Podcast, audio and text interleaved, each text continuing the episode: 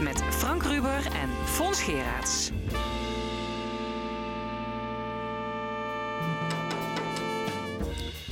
Welkom bij De Stemming, het interview- en discussieprogramma over politiek, cultuur en samenleving. Dit zijn de onderwerpen het eerste uur. Is in Limburg meer racisme dan in de rest van het land? Karel Dietrich is een half jaar bestuursvoorzitter van de Open Universiteit. En onze politiek analist Joop van den Berg over alle politieke onrust van de laatste tijd. Hoe moeilijk is het om in de klas gepolariseerde onderwerpen te bespreken? Meer daarover in het tweede uur. En dan ook een column van Jos van Wersch, flitsen van Vitesse Fortuna Sittard en het panel discussieert over Forum voor Democratie en andere actuele zaken. Tot één uur is dit De Stemming.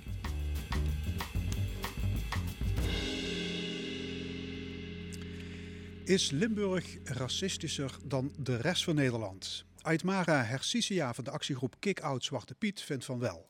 Zwarte Piet noemt zij een van de meest zichtbare vormen van institutioneel racisme. Niet iedereen heeft daar begrip voor. De demonstraties in Maastricht en Venlo leiden tot felle tegenacties. Is institutioneel racisme de norm in Limburg en hoe komen we daar vanaf? Aan tafel actievoerster Aitmara Hersisia. Goedemorgen. Goedemorgen. Ja, u heeft de nodige demonstratieervaring opgedaan hè, de laatste weken in Maastricht en in uh, Venlo. Hoe kijkt u terug op de acties? Um, met gemengde gevoelens. Um, vooral als, um, als ik terugkijk naar het verschil tussen Maastricht en Venlo. In Venlo hebben we heel veel haat en, en, en woede ervaren. Uh, wat tegelijkertijd ook het probleem blootlegt voor een deel. En de demonstratie die de week daarna kwam in, in Venlo die was heel mooi. En daarin hebben wij het gevoel dat wij um, heel goed onze boodschap hebben kunnen uitdragen.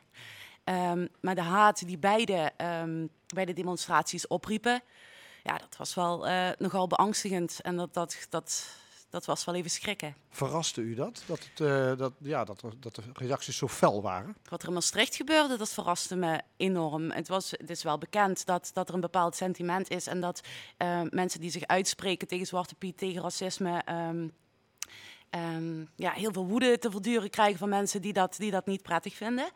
Um, maar dat er zoveel mensen zich hadden verzameld die zo boos waren en vernamen, en met name het, ook het begrip wat vervolgens voor deze mensen kwam. Begrip van mensen, um, van gewone burgers, van onze buren en onze collega's, die zeiden van ja goed, maar we begrijpen het eigenlijk wel. Um, dat, dat is wel heel erg zorgwekkend. Ja. Um, u gooide de knuppel eigenlijk in het hoenderhok in, uh, in Venlo. Daar zei u, in Limburg is sprake van meer racisme dan elders. Dat klopt, dat zei ik in Venlo. Ja, ja. Dat, dat is nogal een uitspraak. Dat klopt, ja. Uh, dat is nogal een uitspraak. En um, ja, die uitspraak die baseer ik op um, heel veel verschillende uh, zaken. Onder andere, wij krijgen heel veel verhalen te horen van mensen die even weg zijn geweest uit Limburg, gestudeerd hebben in de Randstad, vervolgens weer terugkomen. maar ook, daar heerst een, een, een bepaalde uh, zwijgcultuur in, in Limburg. Dus het is taboe om over bepaalde gevoelige onderwerpen te praten. Um, en ik denk dat dat wel kenmerkend is um, voor Limburg. Ja. Ik ben, ik ben geen. Ja, ik, ja. Heb, ik heb eens even gekeken. Het ministerie van Binnenlandse Zaken dat publiceert elk jaar de meldingen die zijn binnengekomen bij de, bij de politie en bij de antidiscriminatiebureaus, uh, als het gaat over discriminatie en racisme. Mm -hmm. uh, dan zie je dat Amsterdam Rotterdam, Den Haag, dat springt eruit. Dat zijn verreweg de meeste meldingen. Mm -hmm. En dan heb je eigenlijk in de rest van het land, um, is dat een stuk minder. Maar het is ook vergelijkbaar. Of je nu Friesland of Oost-Nederland, Limburg, dat, is eigenlijk, dat ontloopt elkaar niet zoveel. Dus op basis van de cijfers kun je niet concluderen dat er in Limburg meer racisme is dan elders in het land. Um, ik heb geen onderzoek gedaan, dus ik heb geen cijfers. Wat ik wel weet is dat de cijfers van het antidiscriminatiebureau, uh, dat zijn um, um, cijfers, um, er zijn op, op duizend of 2000 bewoners zijn er zoveel meldingen gedaan. Maar dan moet natuurlijk ook meegenomen worden hoeveel mensen van kleur wonen hier. En ik kan wel met vrij grote zekerheid zeggen dat in de Randstad veel meer mensen van kleur wonen, dus dat daar ook veel meer meldingen gedaan worden. Ja, maar dan, kun je toch niet, dan kun je toch niet stellen dat er in Limburg eh, sprake is van meer racisme? Op basis van de cijfers? Op basis van de cijfers. Maar ik ben geen, ik ben geen statistiek. Uh, ik ben niet een medewerker van de bureau voor statistiek. Dit baseer ik op mijn ervaringen en op de ervaringen van alle mensen van kleur om mij heen. De verhalen die we binnenkrijgen, uh, de manier waarop uh, op, op racisme wordt gereageerd als je het ter sprake brengt. Er zijn heel veel effectieve strategieën om je de mond te snoeren. Mm En, nee, maar, ehm, nee, maar ik snap dat er sprake is van racisme, maar de vraag is, is er mhm. sprake van meer racisme in Limburg? En dat valt natuurlijk niet te bewijzen. Nee, als u dat um, op basis van de cijfers wil bewijzen, dan, dan moet u inderdaad bij een onderzoeksjournalist uh, zijn of een, iemand die statistiek berekent. Ja. ja. Uh, wat merkt u zelf van uh, racisme? Wat ik, bij, wat ik zelf van racisme persoonlijk ervaar? Um, het probleem is vooral dat mensen uh, weinig kennis hebben over wat het inhoudt. Er zijn heel veel verschillende vormen van racisme. Um, je hebt alledaags racisme. Wat spreek je goed Nederlands? Uh, mag ik eens aan je haar voelen? Uh, allemaal goed bedoelde opmerkingen. Oh, kom je uit uh, Curaçao, dan hou je vast en zeker van kip. Dat soort opmerkingen, die zijn pijnlijk, die zijn kwetsend. Um, daarbij krijgen mensen het gevoel dat je altijd wordt, eerst wordt gezien als een kleur en je persoonlijkheid en je, um, wie je echt bent, ja, dat komt op de tweede plaats. Um, dat is iets wat, wat heel erg speelt. Maar vervolgens is er ook, um, je kunt het niet bespreken. En op het moment dat je een probleem niet kunt bespreken, dan blijft het in stand. En dan blijft een bepaalde uh, ongelijkwaardigheid in stand. Uh, op het moment dat uh, racisme bespreekbaar wordt gemaakt, bijvoorbeeld in een team, op het werk of op andere plekken, dan uh, wordt er gezegd: ik zie geen kleur. Of ja, maar ik ben geen racist. Er zijn heel veel effectieve manieren om, om het onderwerp uh, de kop in te drukken. En dat maakt het mensen van kleur heel moeilijk om hun stem te laten horen. Het valt, het valt moeilijk te benoemen. Het valt moeilijk te benoemen en bespreekbaar te maken. Ja. Uh, heeft u het idee dat u constant in een soort waakstand staat, omdat u ja, kleur, gekleurd bent, dat dat ja, er is wel een bepaalde alertheid en een bepaalde waakstand. omdat je in Limburg vooral, en dat is een, een verschil met, met bijvoorbeeld de Randstad, je bent altijd de enige. Je bent altijd de enige van kleur. Dus je bent het enige bruine kind in de klas, je bent het enige in je team, je bent het enige op de sportvereniging. En um, op het moment dat er um, uh, meer diversiteit is, worden er ook meteen andere onderwerpen besproken. En kleur is een deel van je identiteit. Dus het bestaat wel degelijk. En um, het, is, het is vrij pijnlijk dat dat ontkend wordt. Ja, en toch, toch zie, hoor je vaak, uh, hoor je meestal mensen zeggen, wij discrimineren niet, wij zijn niet racistisch, wij zijn tolerant. Wat, wat, wat vindt u daarvan? Ja, we zijn tolerant en, en dat, dat is meteen een, een vrij racistische uitspraak, uh, zonder dat mensen dat uh, wellicht zo bedoelen. Um, Nederland is een tolerant land. Um, maar wacht even, uh, we hoeven geen mensen te tolereren, te gedogen eigenlijk, omdat ze een andere kleur hebben. Want daar zit het in. Het is, uh, het is een kleurding. U vindt uh, als iemand zegt, ik tolereer je, dat, daar zit iets mis. Daar, daar gaat iets mis. Daar zit iets mis. En dat toont wel een bepaalde um, vorm van ongelijkwaardigheid aan. Want u wil niet getolereerd worden. Ik wil niet getolereerd worden, want als je je getolereerd... Um, ja, dat doet iets. Dat betekent dat je je aan moet passen, dat je moet... Uh, um, en wat betekent dat, aanpassen? Ik heb geen idee. Um, je hoort om je heen, hè, mensen, buitenlanders worden het genoemd, of allochtonen, moeten zich aanpassen. En ik vraag me af, wacht even, ik ben geboren in Nederland, maar ik, ben, uh, ik heb een andere huidskleur wat betekent aanpassen? Aanpassen, nou, dat betekent dus geen uh, kritiek hebben op tradities. Maar wacht even, die tradities zijn ook van mij. Um, maar voelt u dat zo, dat u um, maar zeggen, op uw tenen moet lopen, omdat u constant alert moet zijn over opmerkingen die u wil maken? Ja, en dat zijn ook wel bekende verhalen. Uh, en dat, dat uh, geldt ook voor mij. Je moet altijd net iets beleefder zijn um, om niet in bepaalde stereotypes te vervallen, zeg maar. Mensen hebben hè, denken in vooroordelen. Dus op het moment dat ik, iets, dat ik te boos word, ja, dan is het meteen heel erg intimiderend en heel erg bedreigend. Um, ja, je moet altijd net een beetje beter je best doen. Ja, en als je beter je best doet, wordt, je dan ook, uh, wordt dan ook gezegd van... jij bent uh, het goede voorbeeld voor, voor ja, je groep? in Amerika staat een term voor. Uh, je bent de face of the race. En dat wil zeggen dat jij, als je de enige bent met een andere kleur... altijd representatief bent voor een hele bevolkingsgroep. En dat is niet zo. Ik zit nu ook niet ehm, hier representatief voor alle mensen van kleur. Want iedereen heeft daar gewoon zijn eigen beleving en zijn eigen verhalen in. En, ehm, en dat legt een enorme druk op je. Dus dat, dat brengt een enorme druk met zich mee. Want je moet het altijd goed doen. Maar als je het goed doet, dan, dan is het ook heel snel van... oh ja, maar jij bent anders. En jij bent een van de goede en dat is ook weer niet hoe het, hoe het zou moeten zijn. Ja. en doe je iets fout, dan is het, ja, zie je wel, iedereen, ze zijn allemaal hetzelfde. Ja, in, in, in de Randstad heb je natuurlijk veel meer mensen, er is meer diversiteit. Hè. Er lopen, zal maar zeggen, mensen van allerlei kleuren, allerlei eh, nationaliteiten rond. In Limburg is dat toch wel een stuk minder. Leidt de afwezigheid van bijvoorbeeld zwarte mensen niet tot ook een voordeel over zwarte mensen? Als je ze niet kent, dan heb je misschien negatieve ideeën erover. Zou dat in Limburg kunnen ehm, spelen? dat dat meespeelt, dat, eh, dat zou kunnen. Dat, dat klinkt wel logisch. Hoe minder je in aanraking komt met uh, mensen van kleur, zwarte mensen, bruine mensen. Um, ja, hoe meer je misschien zelf een beeld in je hoofd gaat vormen, omdat je, omdat je ze niet kent. Ja, dat kan. Dat is mogelijk. En dan is ook alles om ons heen is wit.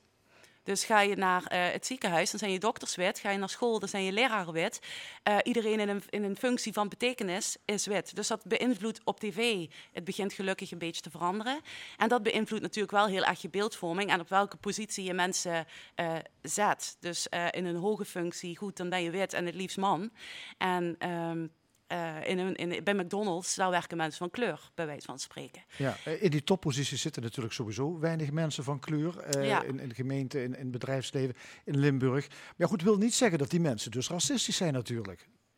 Nee, dat niet, dat niet. Maar het belang daarvan, daar moeten mensen zich wel bewust van zijn. Want leraren van kleur bijvoorbeeld... Um, we hebben hier een aantal grote ROC's. Um, ehm, daar werken eigenlijk vrijwel alleen maar uh, witte docenten. Terwijl als we kijken naar de leerlingenpopulatie, daar is heel divers. Alle kleuren leerlingen um, uh, zijn daar. Die, die, die leerlingen hebben rolmodellen nodig. Um, om ook issues waar zij zelf mee te kampen hebben, dus bepaalde um, ervaringen. Hè, ik word afgewezen voor een stageplek, want ik heb een hoofddoek om. Om die te kunnen bespreken met iemand die ook weet hoe die dat moet bespreken. Uh, en daar hoef je niet per se van kleur voor te zijn. Um, maar het, het gesprek en de bewustwording. Uh, en daarmee ook de kwaliteit van, van, van het onderwijs gaat omhoog als die teams ook divers zijn. Ja. Bepaalde onderwerpen komen dan ter sprake die anders ja, niet ertoe doen. Want nee. Nee. We hadden in het begin van het gesprek over die demonstraties uh, van Kick-Out Zwarte Piet, waar u uh, bij aanwezig was. Um, u zei, ik, ik heb me wel ik ben geschrokken van uh, de reacties die er kwamen van de tegendemonstranten, hè? van de, de, de felheid van de reacties. Um, ja, om het, als u zegt, ik wil racisme uitbannen, dan moet je je denk ik ook verplaatsen in de denkbeelden van die, van die andere groep. Begrijpt u, zonder het uh, goed te keuren, maar begrijpt u waarom mensen zo boos worden omdat u demonstreert tegen Zwarte Piet? Ja, dat vind ik heel moeilijk. Dat vind ik heel moeilijk. Uh, in de media staat van alles over. Uh, MVV heeft verloren, uh, coronamaatregelen zijn moeilijk. Um, ja, dan, dan, dan lees je artikels over armoede in bepaalde wijken. sowieso al bepaalde boosheid naar de burgemeester in Maastricht, wat allemaal op één hoop komt. Dus waarschijnlijk zijn er ook, hebben ook mensen zich aangesloten die boos waren of gefrustreerd over andere zaken en hier een uitlaatklep in konden vinden. Um, maar uh, als daar een andere groep had gestaan. Um, een, een, andere uh, demonstrantengroep tegen, tegen een heel andere, uh, tegen, tegen coronamaatregelen of tegen het klimaat, voor het klimaat, dan was dat niet op gang gekomen.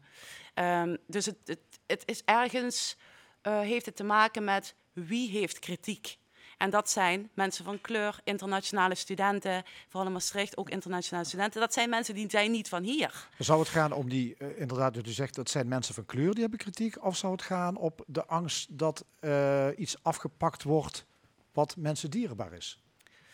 Um, ja, mensen, dat, dat is een veel gehoord argument. Uh, uh, onze tradities worden afgepakt, onze cultuur wordt afgepakt en straks hebben we niks meer over.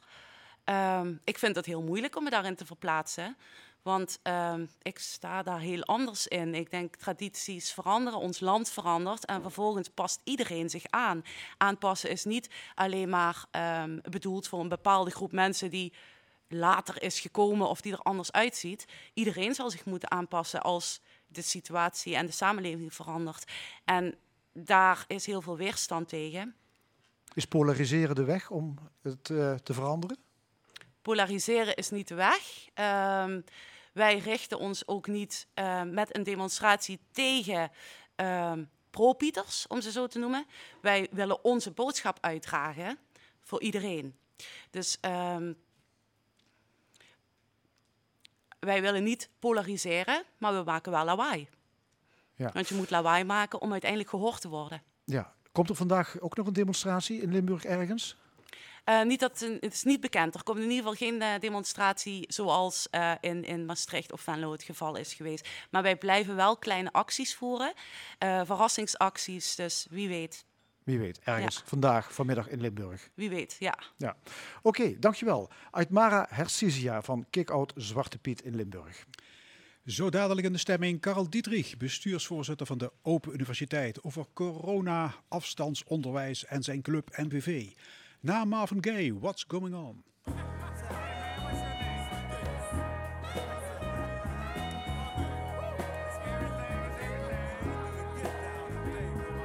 Mother, mother, there's too many of you crying. Brother, brother, brother, there's far too many of you dying.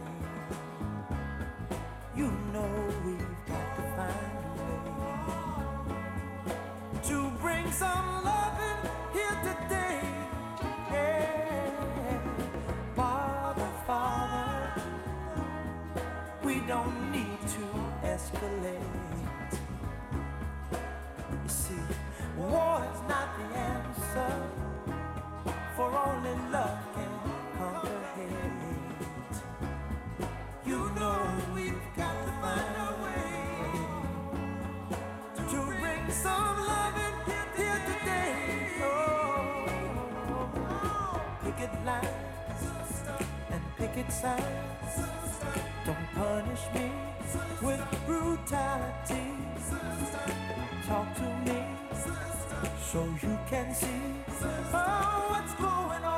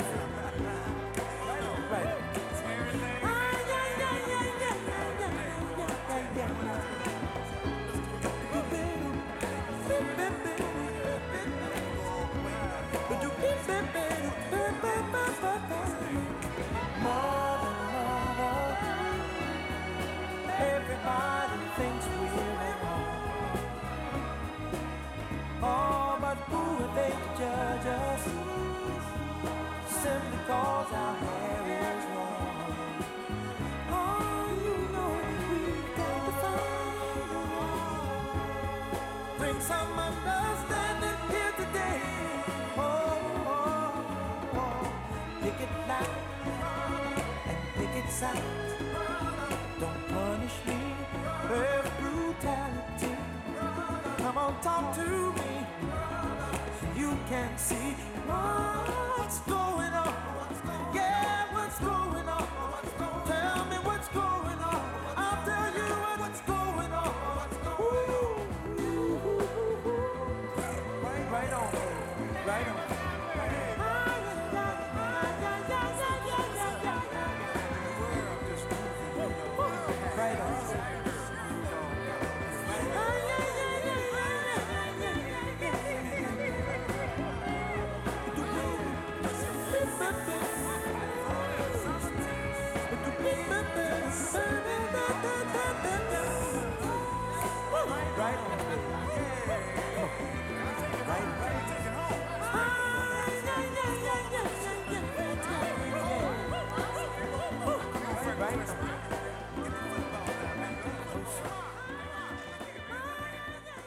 What's going on, Marvin Gaye in de stemming.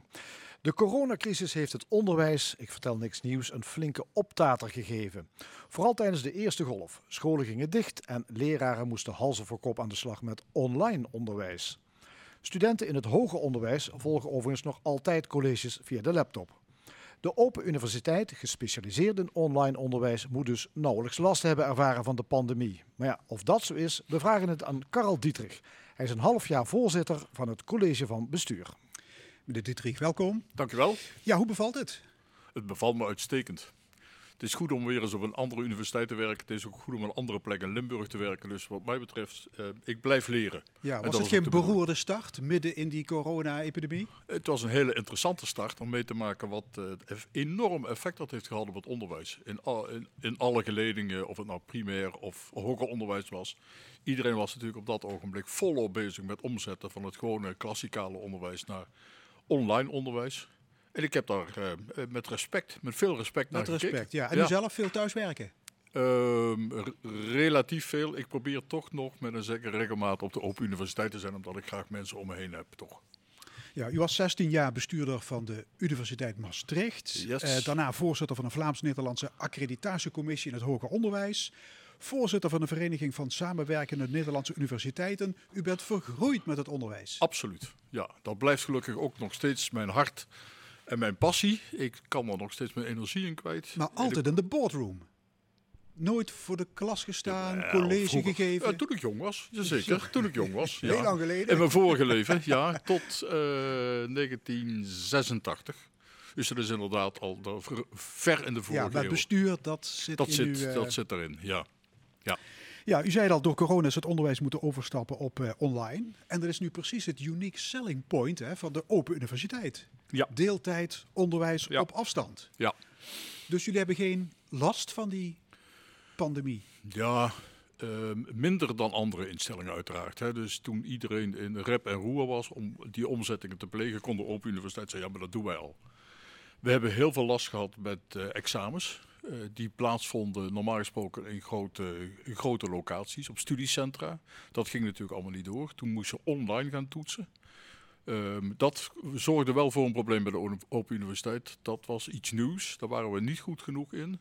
Dus dat heeft wel effecten gehad op de wijze waarop het systeem is aangepast. Waarop de op, ook de Open Universiteit voortdurend moet zoeken naar vernieuwingen in het onderwijs. Eh, maar eh, in het reguliere onderwijs blijft eigenlijk Studenten missen niet echt het contact met... Ja, docent- studenten missen altijd het contact. Ja. Hè? Eh, de- ehm, je kunt ook zeggen dat in deze online tijd dat de, de klachten van studenten zijn dat ze de community missen. Ze missen het fysieke contact met docent. Ze missen fysieke contact met hun medestudenten. En ik kan me dat goed voorstellen. Ehm, er zijn weinig mensen die echt alleen maar online willen leren. Je wilt toch iemand zien. Je wilt af en toe iemand face-to-face kunnen spreken. Je wilt iemand om je heen hebben, een buddy met wie je wel eens kunt sparren over hoe het gaat. Dus wat dat betreft snap ik ook wel dat mensen even terugduwen. Ja, ik las deze week een uitspraak van Ingrid van Engelshoven, de minister van Hoger Onderwijs. Ja. Voor echt goed onderwijs moet je elkaar zien, elkaar ontmoeten. Dat klopt dus. Ja, dus ik, ik, ik ben het daar eh, mee eens. Ontmoeten wil niet alleen maar zeggen fysiek, dat kan ook online. Maar je hebt daar wel een andere setting voor nodig. Je moet het ook kunnen. Eh, je moet leren hoe dat moet. Je ziet natuurlijk elkaar op een andere manier. Eh, je moet heel goed afspraken maken over hoe je zo'n gesprek aangaat. En in die zin kun je zeggen dat de afgelopen maanden heeft geleerd dat veel scholen, universiteiten, hogescholen overgegaan zijn op dat, op dat online leren. Maar dat de echte kennis over hoe je dat doet, dat ja, want ontbreekt. deze week was het het nieuws dat online onderwijs heeft gezorgd voor achterstanden bij leerlingen. Ja. Hè, tijdens die acht weken, weken sluiting hebben die kinderen niks geleerd. Ja. Hoe komt dat? Ja, dat, zit, dat zal vooral te maken met de thuissituatie. Hè. We hebben natuurlijk onderschat. eh, je denkt dat iedereen een laptop heeft, of iedereen een iPadje heeft, of iedereen dit heeft en dat heeft. In veel thuissituaties is dat niet het geval. Dus Dat is de reden waarom de achterstandsleerlingen Yes. helemaal niks hebben geleerd. Die hebben, die hebben meer achterstand opgelopen. Dus in die zin is online leren heeft ertoe gezorgd dat de klasse echt ongelijkheid eigenlijk is toegenomen. Dat de kinderen die toch al weinig kansen hebben, nog minder kansen hebben gekregen. Ja, en misschien komt het ook omdat docenten geen benul hebben van moderne digitale communicatiemiddelen. Ja, dat kan wel zo zijn. Maar ik denk dat het belangrijk dat, en dat, daar kunnen ze beter in worden. Daar kunnen ze zich ook verder in bekwamen. Maar ik denk dat de belangrijkste reden is geweest dat, eh, dat we onderschat hebben dat je niet meer de leerlingen bij, je, bij het nekvel kunt pakken. En kunt zien wat ze doen. En kunt zien op welke manier ze zich ontwikkelen. En dat zie je in een klassituatie natuurlijk gemakkelijker dan in een online setting. Laat staan dat niet iedereen over die online setting beschikt. Ik zag trouwens pagina grote advertenties van jullie in landelijke kranten. De OU dacht van dit is het moment om eh, reclame te maken. Het is altijd het moment voor ons. Hè. We zijn een flexibele instelling die altijd, waar je altijd op Nee, elk maar ogenblik nu kunt beginnen. iedereen overgeschakeld op online, kun je zeggen van, zie je wel, ik geloof eerder is- dat dat. ehm, er zit geen marketingstrategie verder achter. Zat van, geen dat grote. is dit- er zit we ja, misschien zit er, er zit er overal zonder enige twijfel strategie achter. Hij ontgaat me enigszins omdat je weet dat dit een instelling is waar je altijd kunt beginnen met studeren. Ja, Het is een flexibele instelling. Dus je moet eigenlijk de naamsbekendheid, je moet studenten duidelijk maken dat ze altijd. En eigenlijk met elke vooropleiding bij ons aan de slag kunnen. Dus Ja, in ik die zin citeer is uit het een die- hele toegankelijke instelling. ik citeer uit de advertentie, interesse, ambitie, nieuwsgierigheid. Doe er iets mee, want je kunt alles bereiken. Als je maar durft. Wat, ik kan hem zelf kunnen bedenken. Ja. Als je maar durft en als je het kunt betalen. Ja, maar het is niet zo geweldig duur. Eh, en er zijn natuurlijk allerlei regelingen voor studenten die eh, minder goed eh, ja, financieel in staat zijn om te studeren. Die hebben dezelfde rechten eh, als andere studenten die bij andere de klassieke universiteiten studeren. Dus in die zin zijn er ook allerlei mogelijkheden om te helpen en te Beurzen, ondersteunen. spotjes, fondsen, noem maar op. Ja. Zeker. Eh, trouwens, HBO'ers die een universitaire master willen gaan doen, die stuiten op een probleem. Ja, die stuit Eh, altijd op wat, problemen. wat is er aan de hand? Nou, er is, niks, er is niet zoveel aan de hand. We hebben een binair stelsel. Je kunt zeggen een stelsel van hogescholen en een stelsel van universiteiten. Die staan naast elkaar. Veel studenten die een HBO-opleiding hebben gevolgd, HBO loopt tot en met de bachelor. Ja. En die willen van een bachelor naar een master. De wetenschappelijke masters die worden aangeboden aan universiteiten. Dus je moet een overstap maken van het ene deel van het stelsel, het hogeschoolstelsel, naar het universitaire stelsel. Daar heb je extra les voor nodig.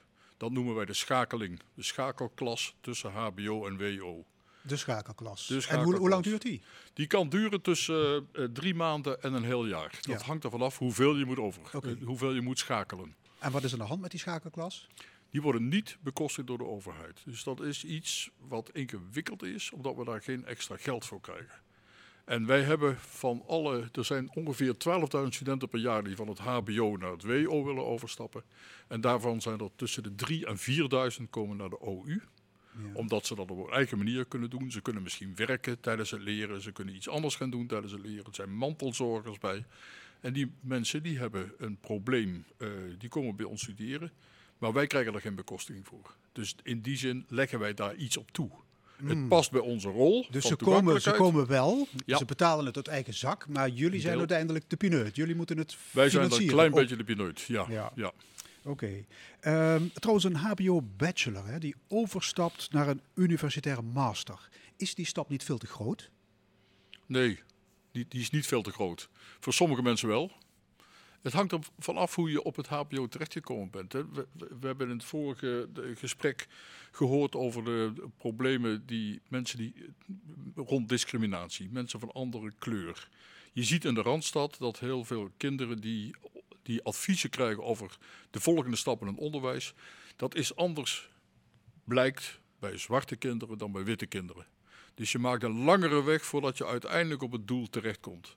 Dus sommigen komen erachter, als ze op het HBO zitten, dat ze meer kunnen. Dat ze meer interesses hebben. Dat ze zich meer interesseren voor onderzoek. En willen dan graag de stap maken naar een academische master. Dus er zijn ook meldingen van racisme in het hoger onderwijs. Die zijn er wel. Die zijn er gelukkig eh, relatief weinig. Ik geloof dat de afgelopen jaren waren het er in het hele land zijn het er 90 geweest. Wij hebben één melding gehad in eh, 2017, maar geen in 18 en 19. Maar dat wil niet zeggen dat het niet voorkomt. Hè. Dat is, eh, mensen weten niet altijd de weg. Mensen slikken wat meer. En ja, alles wat met discriminatie in het onderwijs te maken heeft, dat moet met hand en tand worden uitgeroeid. Daar is verder geen enkele discussie over mogelijk. De Tweede Kamer heeft onlangs de begroting van onderwijs behandeld. Ja. Zijn er toen nog scherpe vragen gesteld over dat schakeljaar en de Nee, bekostiging zijn er daarvan? op dat ogenblik niet gesteld, Nee? omdat het wegzakt in het hele grote geheel van het onderwijs. Had u de PvdA-woordvoerder niet even kunnen inzijnen? je kunt alle woordvoerders inzijden, maar op dat ogenblik moet je kijken wat de echte grote thema's ook van het onderwijsbegroting zijn. En het is op dit ogenblik dit, dit probleem van ons, wat ongeveer over 3, 4 miljoen euro gaat, is voor eh, in, op een totale onderwijsbegroting is dat natuurlijk peanuts. Maar, Dus u, wij- maar u vindt dat, het, dat de Open Universiteit zo toegankelijk mogelijk moet dat zijn? is voor onze maatschappelijke opdracht. Wij zijn een emancipatie-universiteit. Wij moeten open zijn voor iedereen. Ja. En wie bedoelt u dan? Eigenlijk iedereen die eh, de capaciteiten denkt te hebben of heeft om te kunnen studeren. En wat wij oorspronkelijk hadden wij vooral tweede kansers. Zeg mensen die in een vroeger stadium waren opgehouden of niet de kans hadden om te studeren. Die, zijn, die dat op latere leeftijd wel willen doen. Je ziet op dit ogenblik dat wij die, dat begrip toegankelijkheid moeten oprekken. Je gaat veel meer kijken naar diversiteit. Je moet gaan kijken naar inclusie. Eh, het valt mij op dat eh, de Open Universiteit eigenlijk ook een witte universiteit is. Terwijl 70% van onze studenten uit de Randstad komt. Dus ik denk dat wij er nog een wereld te winnen hebben om te kijken op welke wijze wij bijvoorbeeld studenten van- een niet-westerse immigratieafkomst, hoe wij die aan ons kunnen binden. Mensen met zware functiebeperkingen. Op dit ogenblik meer dan 10% van onze studenten heeft dat. En daar moeten wij extra faciliteiten voor bieden. Dus wij zijn, kun je zeggen, voor iedereen die niet op een gewone klassieke universiteit terecht kan, zich daar niet meteen prettig voelt, die moet bij ons terecht kunnen en zich prettig voelen en veilig voelen. Volgt u de politiek nog een beetje? Jawel. Zeker. Ja. Ook het gekrakeel deze week binnen de Forum voor Democratie. Ja, absoluut. Ja. Eh, ik, eh, dat- dat gekra- gekrakeel is voor mij altijd een bron van grote vreugde. Ja. Ja, tijdens de op- opening van het nieuwe academische jaar in 2002 gaf u de LPF de win van voren. Weet u dat nog? Politieke gelukzoekers, zei u toen. Ja. Met simplistische oplossingen voor gecompliceerde maatschappelijke problemen. Er valt niks goeds te verwachten van het kabinet Balkenende. Dat, Dat klopt haarscherp. Ja, volgens mij klopt dat ook toen. eh, eh, ja. Ja. Ja, dat vind ik nu overigens weer. Dat, eh, dat blijft natuurlijk toch de problematiek eh, rond PVV en, en Forum voor Democratie. Eh, eh, weinig aanpak in iets anders dan een hele duidelijk gepolariseerde opvatting over andersdenkenden en mensen met een andere kleur. Ehm, maar verder weinig positivisme. Wat draag je nou bij? Je kunt er overal tegen zijn, maar kijk nou eens aan de andere kant. Wat is nou datgene wat je tot stand wil brengen en waarom? En op welke manier, eh, met welke uitgestoken hand? Of doe je alleen maar zo de hele tijd? En dat, dat schiet niet op en dat wordt nu ook wel niks. Bent u nog altijd lid van de PvdA? Zeker. Ja. En NVV, hè? is altijd, nog altijd uw club? Als oud-voorzitter? Het blijft mijn club. Ehm, ik, maandag gaat er een grote ommekeer plaatsvinden. Maandag gaan we winnen in Nijmegen. En Ja. eh, dan wordt de rest van het seizoen wordt natuurlijk super. Ja, maar zowel PvdA als NVV zijn iets wat in de versukkeling geraakt. Maar u, u, Dat heeft u- niet met mij bent- te maken, U bent wel trouwens, trouw in uw vriendschappen. Ik ben heel trouw in mijn vriend, wat dat betreft. Ja, Bij iedere thuiswedstrijd op de tribune? het gaat niet, hè, Fons. Ik zit naar Fox pagina 4.2 Ja, of in te kijken. Ja. Ehm, en ja, en elke keer als we worden overgeschakeld naar Maastricht, dan hou ik mijn hart weer vast of we een tegendoelpunt krijgen. En af en toe kan ik iets juichen. Maar zelfs als we met 3-0 voor staan, dan moet ik helaas aan het eind van de avond constateren dat het net niet zo geworden is als wat ik net had gehoopt. Ik zag laatst Roda NVV, daar worden mensen toch niet vrolijk van, hè? Het dat geldt trouwens voor alle vier de Limburgse clubs. En ze aan- spelen abominabel slecht. Het was niet om aan te zien. Dat geef ik zonder meer toe. Ja. Ehm, goed, tot slot. U bent aangetrokken als interim voorzitter van de Open Universiteit. Het halve jaar is voorbij. ja, Hoe lang blijft u nog? 1 juli 2020.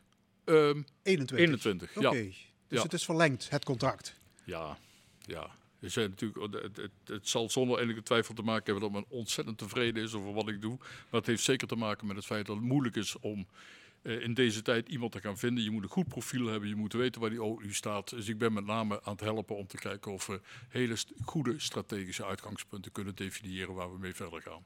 En die hebben te maken met toegankelijkheid, die hebben te maken met ver- verbreding van ons onderwijspalet. Maar die hebben ook te maken met het feit dat we het digitaal onderwijs een extra boost moeten geven. Ja. Dus tot 1 juli Juli volgend jaar onder de pannen. En denkt u 2021. al na over de periode daarna? Gaat u nog aan de slag? Ik heb nog vier andere dingen te doen. Dus Ja. ik ben ik voorlopig U, u blijft in het publieke domein? absoluut. Bedrijfsleven is een Nee, no-go area. Dat, dat, dat, daar heb ik een geen verstand me- van. Mega vet salaris. En daar word ik niet gelukkig van. Eh, ik ben, mijn hart ligt in het publieke domein. Mijn hart ligt bij onderwijs. Daar blijft het ook liggen. Karel Dietrich, hartelijk dank. Geen dank. Graag gedaan. En eh, met Joop van den Berg kijken we zo meteen terug op het politieke theater bij Forum voor Democratie. En Joop ziet ook de haarscheurtjes verschijnen in veel andere partijen. Die ontstaan nu de verkiezingen naderen. Maar eerst de Rolling Stones met This Is On My Side. Time.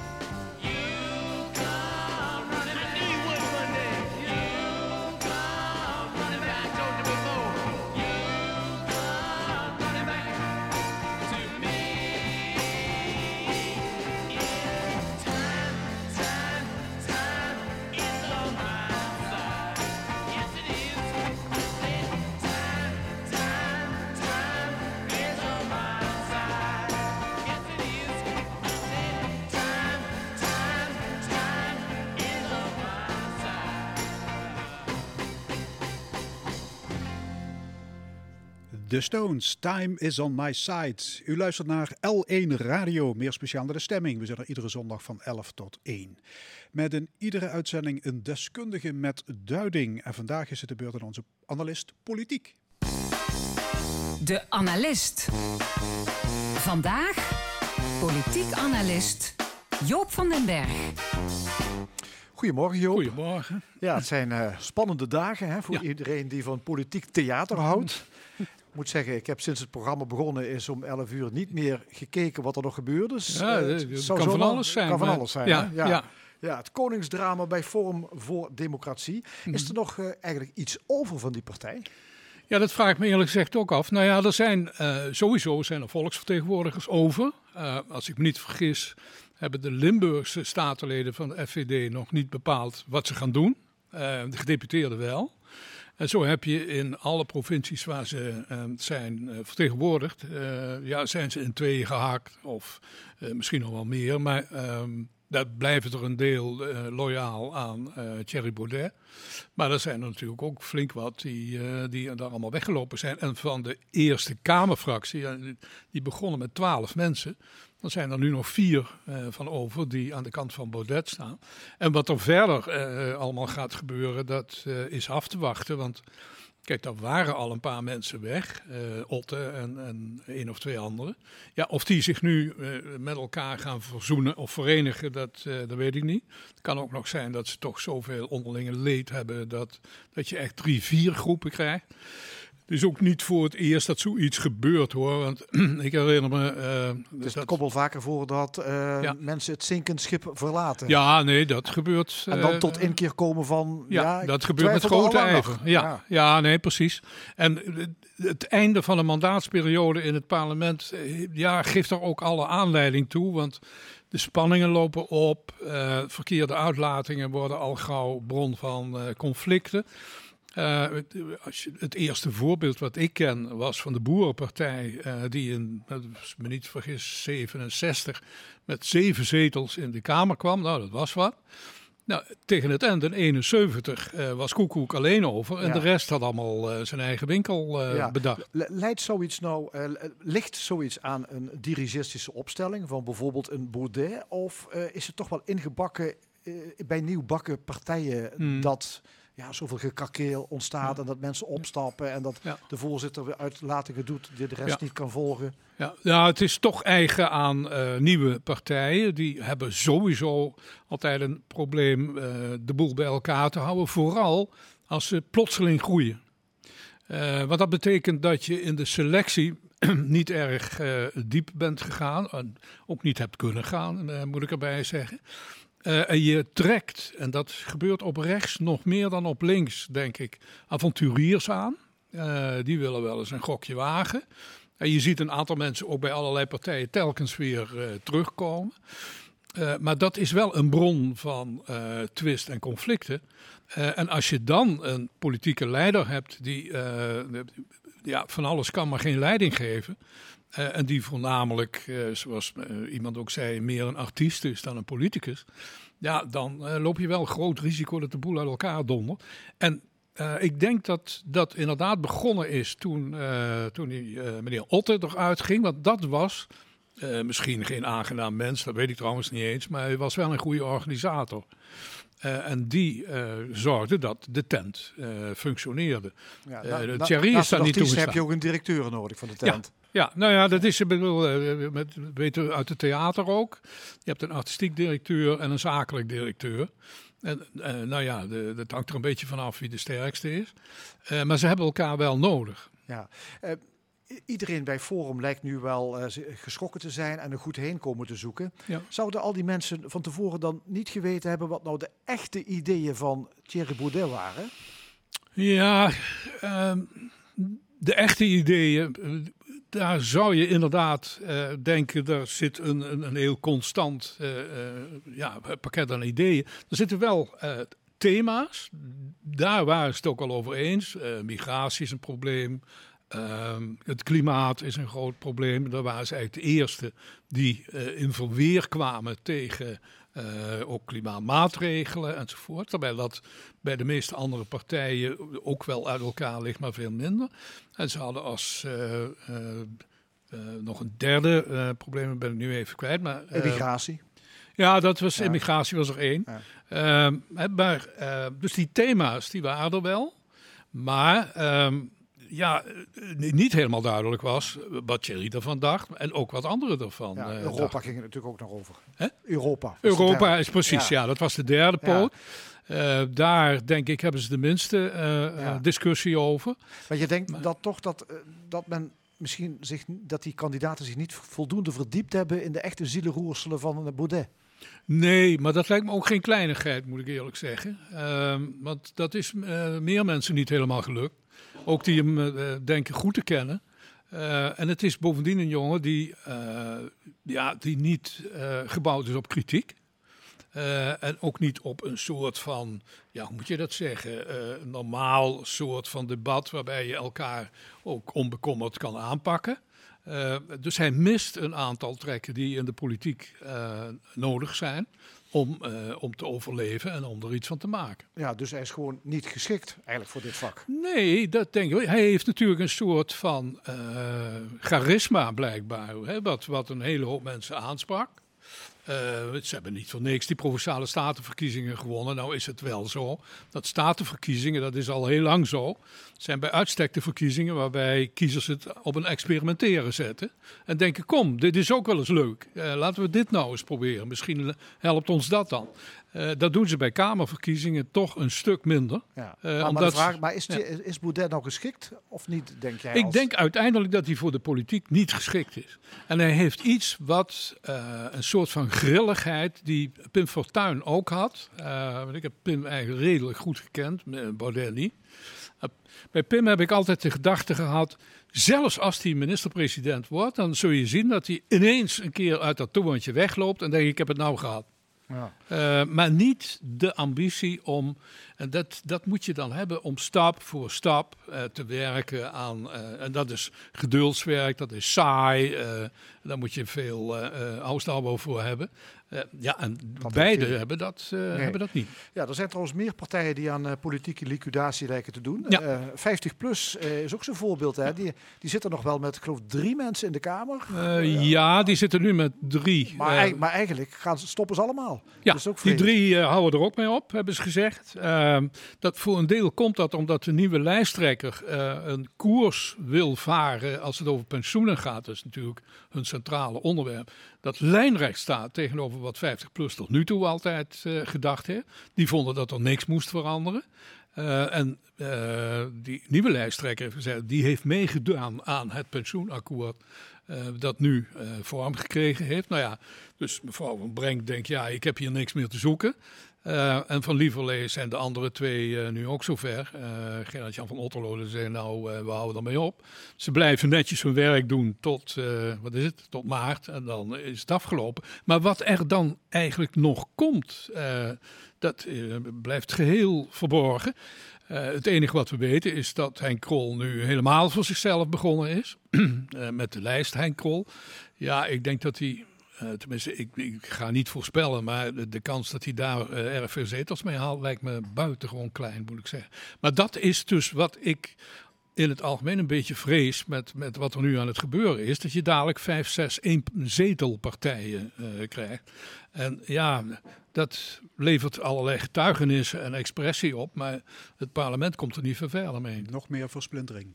Ja. Joop, dan nog even Ja. het kleinere leed. Te Ja. beginnen bij D66. Daar wordt gemord over eh, het zogenoemde Team Kaag. Ja. Wat is het Team Kaag? Ja, dat weet ik ook niet precies. Maar Kaag heeft ehm, eigenlijk een beetje buiten de partijgelederen om eh, een bijna persoonlijke eh, club om zich heen gevormd. Die eh, met haar echt de, campagne uitzet zet en eh, een aantal campagneactiviteiten bedenkt en ontwikkelt. Eh, ze hebben ook eigen logo en eigen hoe heet het, politieke kleur. Eh, want D66 hanteert bijna altijd groen. maar zij hanteren paars. Waarom weet ik niet, maar dat hebben ze bedacht. En de partij als organisatie en kader voelt zich daar eigenlijk een beetje buiten gezet.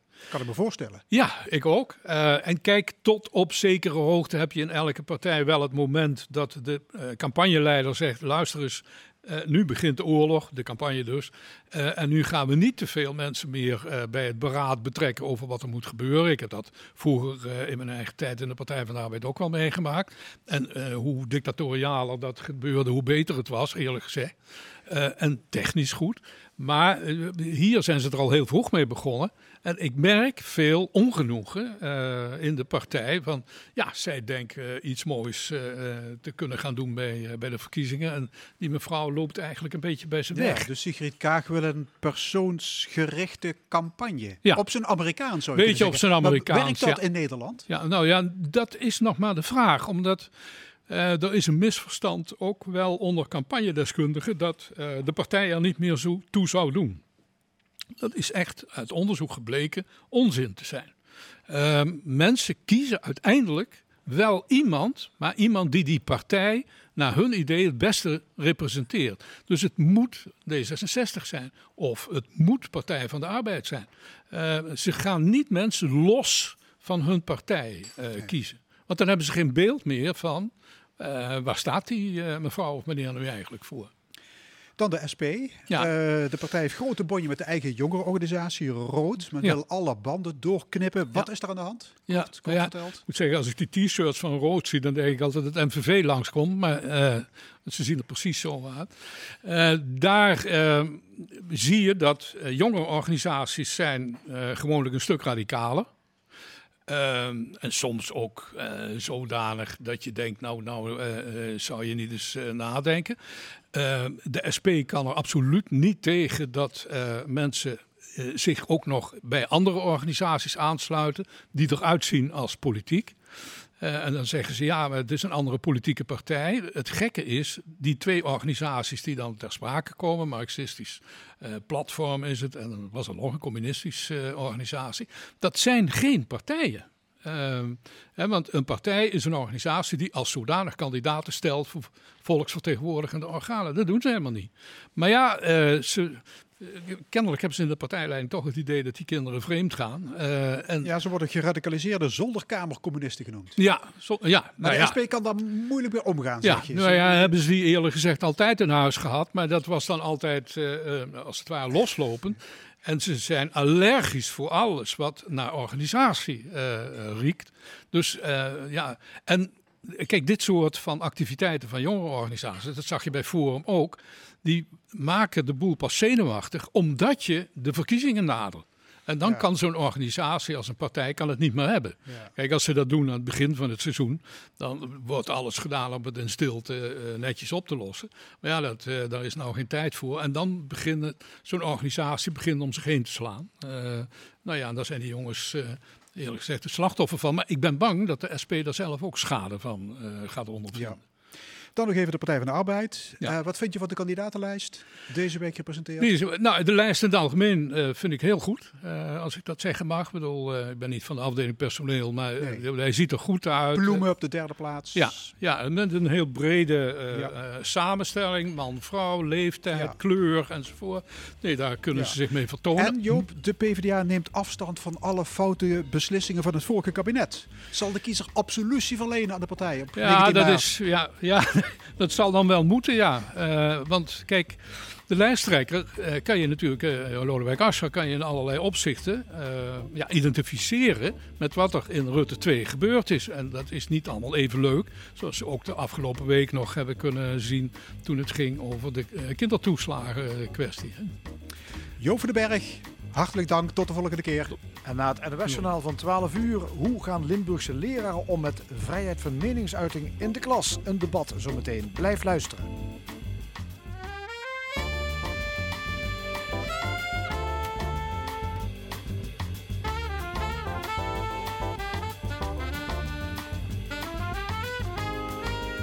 De stemming met Frank Ruber en Fons Geraerts. Opnieuw welkom bij de stemming. Wat nog allemaal in dit tweede en laatste uur. Straks discussieert het panel met Terza Hoebe, Cor Bosman en Loek Hustings over actuele zaken. Een column van Jos van Wersch over Forum voor Democratie in Limburg. Flitsen van Vitesse Fortuna, maar eerst de vrijheid van meningsuiting. Vorige maand werd in Frankrijk een leraar geschiedenis onthoofd, omdat hij in de klas spotprenten van de profeet Mohammed had laten zien. In Rotterdam moest een docent, ook vanwege een cartoon, onderduiken. Het lijkt erop dat de polarisatie in de samenleving ook is doorgedrongen tot het klaslokaal. Kunnen docenten maatschappijleer nog wel heikele onderwerpen aan de orde stellen? Of zit er niks anders op dan censuur toe te passen? We gaan erover praten met de, docenten Trudy Koenen en Huub Francor.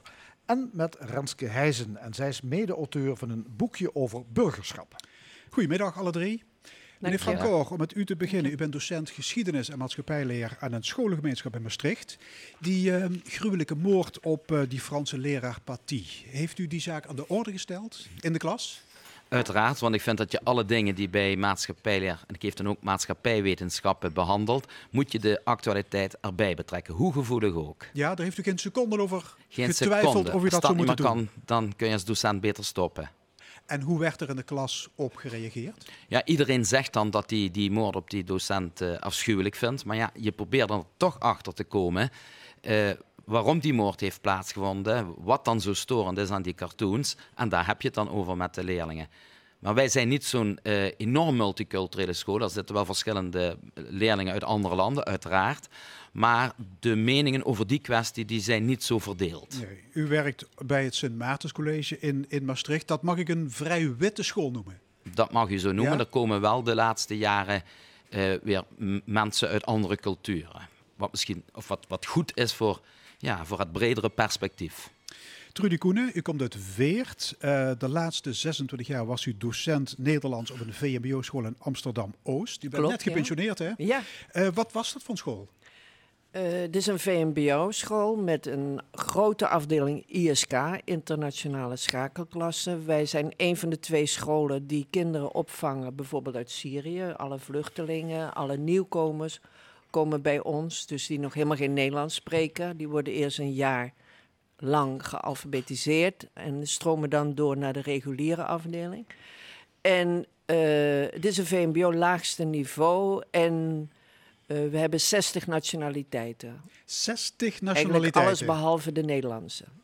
Dus dat is toch een enorm verschil met de school van meneer Van Koren. Enorm. En Ja. ook de reacties, eh, ik heb het dan meegemaakt, reacties op de aanslagen in Parijs en Bataclan en in eh, Charlie ja, Hebdo. Charlie Hebdo. Die waren totaal verschillend. Want ze hadden alleen maar begrip voor de daders. En toen heb ik ook Hoe, ja, hoe gaat u daarmee om? dan? Ja, toen heb ik de eerste dagen na die aanslagen dacht ik, ja, wat, wat is dit nou? Dus ik ben bang dat het parels voor de zwijn is, wat ik allemaal eh, probeer uit te leggen. Maar na een tijdje nadenken kwam ik erachter, waarom doe je zo? Waarom eh spui je allemaal dit soort dingen van juf, nee, het zijn de Joden die erachter zitten en de Amerikanen en het is puur complot. Want u weet toch, eerst waren die velgen grijs en op het volgende filmpje wit. Was allemaal in elkaar gezet. En na bij mezelf te raden te gaan, dacht ik, waarom doe je zo? Dat doe je één, alleen omdat je hier niet Nederland beschouwt als je thuis. Dat je toch een buitenstaander voelt. En dat je dan voelt dat je eigen nest bevuild wordt. En twee, eh, wat gebeurt er als je thuis alleen maar dit soort dingen hoort, alleen maar naar Al Jazeera kijkt of Erdogan volgt? Eh, kinderen doen van huis uit. Eh, thuis durven ze dan vader en moeder te weerspreken, maar naar buiten toe dragen ze toch de waarden uit die ze meekrijgen van thuis. Ja, en dat zijn kinderen van de derde, misschien wel vierde generatie. Dat klopt, maar toch, dat is zo verankerd in hun denken. En de islam, vooral de islam, is zo belangrijk in hun zijn, dat dat echt als een belediging wordt eh, gezien als iemand daar iets van vindt. En toen ben ik er op een andere manier mee omgegaan. En ik denk dat u dat ook zo doet. Ik, ik, heb, ik heb mezelf even kwetsbaar opgesteld in die zin dat ik zei dat ik erg geschokt was over de reacties. Maar dat ik het graag wil begrijpen waarom kinderen iets vinden. Dus ik ben de discussie aangegaan. Waarom vind je dat? Waar heb je dat gelezen? Is het een echte bron of is het desinformatie? Ik heb me helemaal open opgesteld. En vanaf die dag, is een paar jaar geleden, ben ik begonnen met iedere dag roddelen, noem ik dat. Wie Roddelen? heeft. Ja, roddelen. We beginnen iedere les met roddelen. En eh, wat is dat? Dat is praten met leerlingen. Zij denken dat ze mij van de les afhouden door eh, eh, te roddelen. En ik probeer met die les spreekvaardigheid, argumenteren.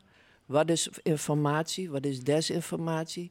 Mening leren vormen op basis van informatie. En dat kan gaan over. Er kwam een leerling binnen met een zakje chips om negen uur s ochtends, half negen. Zeg wat eet je nu? Je eet alleen maar zout en vet. Zijn we ieders BMI uit gaan rekenen. En de andere dag is het over Wilders. En dan, dus op een gegeven moment liep het zo dat... eh, Dan liep ik op één hoog en die kinderen op acht hoog. Juf, ik weet iets voor het roddelen. Oké, gaan we het straks over hebben. Als jij dan een sfeer creëert waarin je kan praten... en waar niks gek is... en je kan overal over praten... En het blijft in de klas, want ik zei altijd: wat hier besproken wordt, dat houden we onder elkaar. Dan, sfeer je, dan creëer je een sfeer een open sfeer van vertrouwen. En dan kan je ook moeilijke onderwerpen, en nu zal ik mijn mond houden onderhand, sorry Nee, nee. hoor. Moeilijke onderwerpen kan je dan aankaarten. Ja, beginnen met roddelen, meneer Francoor, in de klas. Is bij- dat een... eh, Dat roddel bij Een ons is anders. Leerlingen weet, willen zo snel mogelijk over een zaak weten wat jij als docent daarvan vindt. Dus iedere keer wordt er gezegd, wat vindt u daarvan? Hier was in Maastricht de toestand rondom eh, Sinterklaas en de demonstraties. En dan willen ze weten waar jij staat. ja, maar je hebt meer controversiële zaken. Hè? Homoseksualiteit, en Ja. de jodenvervolging, de evolutietheorie. U vertelt zelf in de klas waar u staat. Wat uw opinie is. Ja, want als ik het niet zelf doe. Ik vind het ook eerlijk. Leerlingen moeten hun mening over een aantal zaken ventileren. Dan is het ook goed eh, uit welke, ja, welke politieke wind ik Ja, vertegenwoordig. dat kan wel confronterend zijn. Ja, dat is het in een aantal zaken. Zo had ik afgelopen week eh, met een gymnasiaste nog een fel, eh, felle woordenwisseling over Sinterklaas en Zwarte Piet. En dan zegt zo'n leerling, ja, u moet toch met uw standpunt eh, daarin veranderen, want u vertegenwoordigt een conservatievere richting en eh, dat kan toch niet. U moet veranderen, wij zijn de toekomst. Nou ja, goed, daar geef Ja. ik dus dan minder aan toe en dan ontstaat er toch wel een fel debat waar wel een groter gedeelte van de leerlingen dan zijn mening over, over gaat geven wat ze ervan vinden. En het laten zien van spotprenten van de profeet Mohammed. Moet je dat doen of kun je dat beter Ik vind- achterwege laten? Ik vind in principe dat alle spotprenten getoond moeten kunnen worden. Maar eh, je krijgt over twee dingen vaak ruzie in de maatschappij. Dat is toch vaak politiek of godsdienst. Dus ik stel me er iets eh, voorzichtiger in op. Ik zal dus geen spotprenten laten zien van de profeet Mohammed. ik wil maar, niet... maar, maar ik was een keer op een open dag op uw school. En toen heb ik een proefles van u gevolgd. Toen liet hij cartoons zien. Spotprenten. Zeker, zeker. Maar ik vind het geen must dat ik die moet Nee, laten gaan zien. nee. Wel spotprenten waar eh, wel op een, bepaalde manier met dat geloof wordt omgegaan. Kijk, wij hebben ons hier in Nederland ook in de jaren negentig... eh, was er altijd, waren er altijd filmpjes over de paus. Eh, dat was ook, ja, kon je grappig vinden, ja of nee? Dat vind ik dat je gewoon... eh, nou, je weet dat dat getoond mag Wa- worden. waarom kan zegt u, ik wil geen spotprenten van de profeet Mohammed laten zien in de klas? Ja, waarom zou je die confrontatie met die leerlingen aangaan? Er staan al genoeg sp- spotprenten in de boeken over de islam. Bijvoorbeeld, kun je dan een spotprent laten zien waar bijvoorbeeld een mevrouw op de straat stopt en, met een burka aan en die zegt... eh, ja, er is sprake van een allochtone stop. En zij begrijpt het begrip niet goed, blijft staan. Waarbij een Nederlandse, of een, een, laten we zeggen een autochtoon iemand zegt... waarom blijf je staan? Ja, zegt zij dan, er is sprake van een allochtone stop. Daarmee geeft die spotprent aan eh, dat zij dat woord niet begrijpt. Dat vind ik, dat moet wel kunnen. Maar eh, het is niet mijn hobby om eh, maar de hele tijd mensen uit de tent te lokken met die, met die spotpraten. Ja, ook aan tafel Renske Heijsen eh, van het Limburgs Museum. Je hebt een blauwe maandag geschiedenis gedoseerd. Wat vind jij? Ehm, ik, ik vind het lastig. Ik had overigens begrepen dat de, de laatste spotprint waar het over ging, dat dat Ja. niet een, eh, eh, de Mohammed was, maar een IS-strijder. Dus Mhm. dat het ook anders was opgevat. Ja, dat is Dus verkeerd we hebben het elke gerapporteerd door die- ja. ja, ja, Rotterdam, oké. hè? Dus, ja, eh, dus ik, het, dat hangt er bij mij ook vanaf. Ik vind wel dat spotprenten ehm, een hele mooie aanleiding zijn om over zaken te praten. Omdat je ehm, het, het interpreteren en het uitleggen van bronnen, eh, en, en daar wordt zijn spotprenten uitermate geschikt voor, eh, is wel een hele belangrijke zaak natuurlijk. Eh, in de geschiedenis, zodat je leert van waarom zijn we gekomen waar we zijn gekomen. Maar ook eh, om kinderen na te laten denken over wat bedoelt diegene nou eigenlijk echt. En niet gelijk de eerste reactie op een tekening of zo te geven. Dus ik denk dat Koenen? dat wel... Ja, de- Moet er kunnen. zit voor mij iets anders achter. Ik denk dat eh, leraren duidelijker moeten maken wat de structuur is. Dat de leraren bepalen wat er gebeurt in de klas. En die stellen de grenzen. Bijvoorbeeld bij mij was het geen schuttingtaal en luisteren naar elkaar. Wij bepalen de structuur, wij bepalen de grenzen.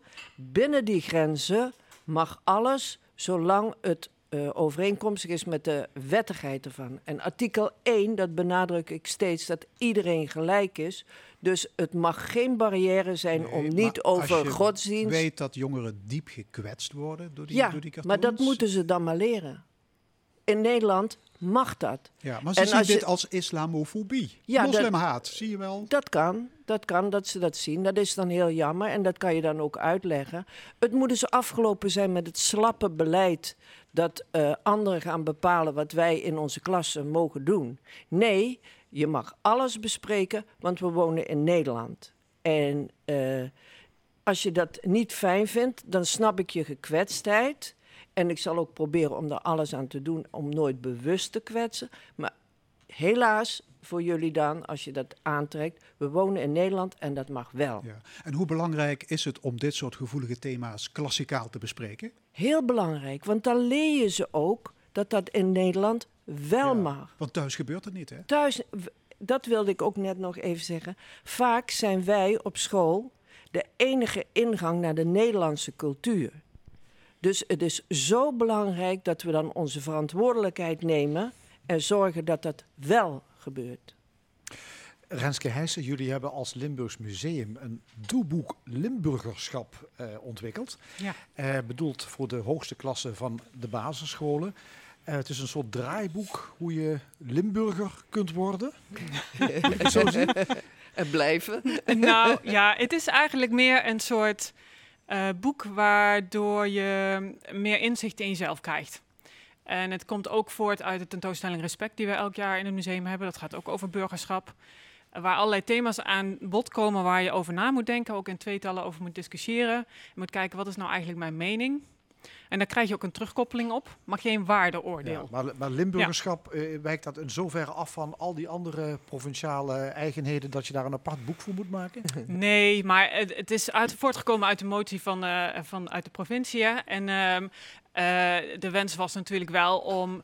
Kijk, Limburgerschap is een algemeen Nederlands iets. Eh, iedereen is daarmee aan het worstelen hoe het moet. Ehm, maar je hebt, hoe- en hoe doe je dat nou specifiek in Limburg? Het is altijd Ja. fijn als je iets vanuit je eigen omgeving eh, eh, meekrijgt over hoe doen wij dat, hoe zouden we dat willen in Limburg? Ja. Hoe, hoe zou het moeten in Limburg? Ja, Ja. want jullie stellen bijvoorbeeld vragen. Hè? Eh, wat is vreemd? Eh vlaai eten en dan kermis vieren. Twee mannen die gaan trouwen. Verkleden met de 11e van de 11e. Naar de moskee gaan. Mhm. Dat soort vragen. Ja.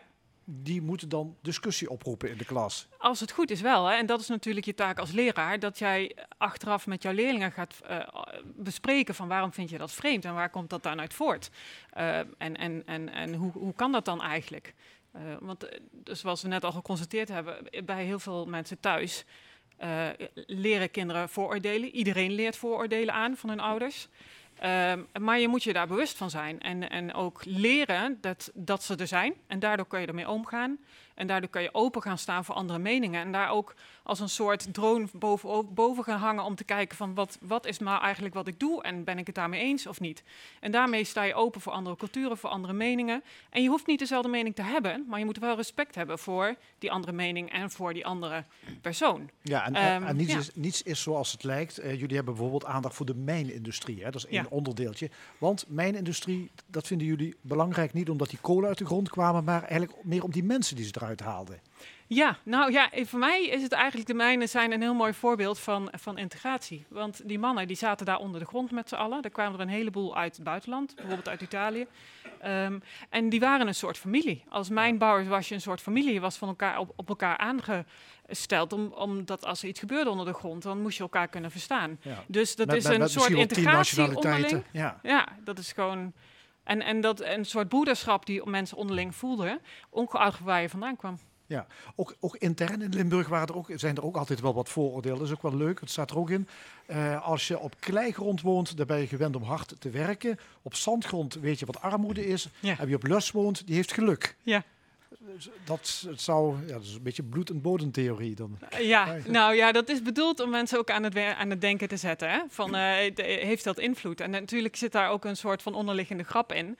Dat dat natuurlijk helemaal eigenlijk Nee. nergens op slaat. Trudy Ja. Koenen, ex-docent in het VMBO. Je had meer lessen burgerschap en democratie. Is dat een van de oplossingen? Ja, maar ik wil eigenlijk bepleiten dat iedere leraar eigenlijk eh, burgerschap geeft. eh, door de manier waarop hij zijn lessen invult. Want iedere mening is legitiem als het maar op grond van informatie is. En ook niet iedereen hoeft het. Ik heb een heel... Nee, maar d- er zijn Goede natuurlijk collega's die minder, die dapper zijn Ja. dan u. Ja, ja, maar er zijn ook mensen. Ik heb een wiskundecollega, geeft fantastische lessen. Maar hij heeft helemaal geen zin om daarover te- over heikele onderwerpen te praten. Dat mag, want we zijn complementair. We vullen elkaar aan.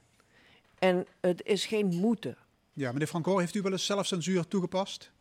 Ik heb geen zelfcensuur toegepast, nee. Maar ik vind het, eh, de opmerking over het burgerschap. We hebben met maatschappijleer twee uur eh, per week. En dan wordt er eigenlijk van het ministerie verwacht dat wij de leerlingen eh, ja, warm laten lopen voor de maatschappij. Dat vind ik toch een zeer moeilijke opgave Ja, als andere niet. docenten dat niet doen. Nee. Want eh, onlangs zei nog een leerling, ja, u bent de enige die uw mening geeft. Dus als hier iemand wordt doodgeschoten, zo werd het gebracht, wel op een heel grappige manier, Ja. dan weet u dat, dat u dat Ja. bent, want u geeft alleen uw mening. De rest zegt niks. Ja. En dat vind ik wel een nadeel. Burgerschap lukt niet als eh, niet alle docenten, of zeker de gamma-vakken, Ja. daar alles aan doen. En dat, dat, Ja, is een, maar goed, dat win je niet, dat zijn- gevecht. er is een petitie online waarin gepleit wordt voor het strafbaar stellen van het beledigen van een profeet. Die is door, door bijna 125.000 mensen ondertekend.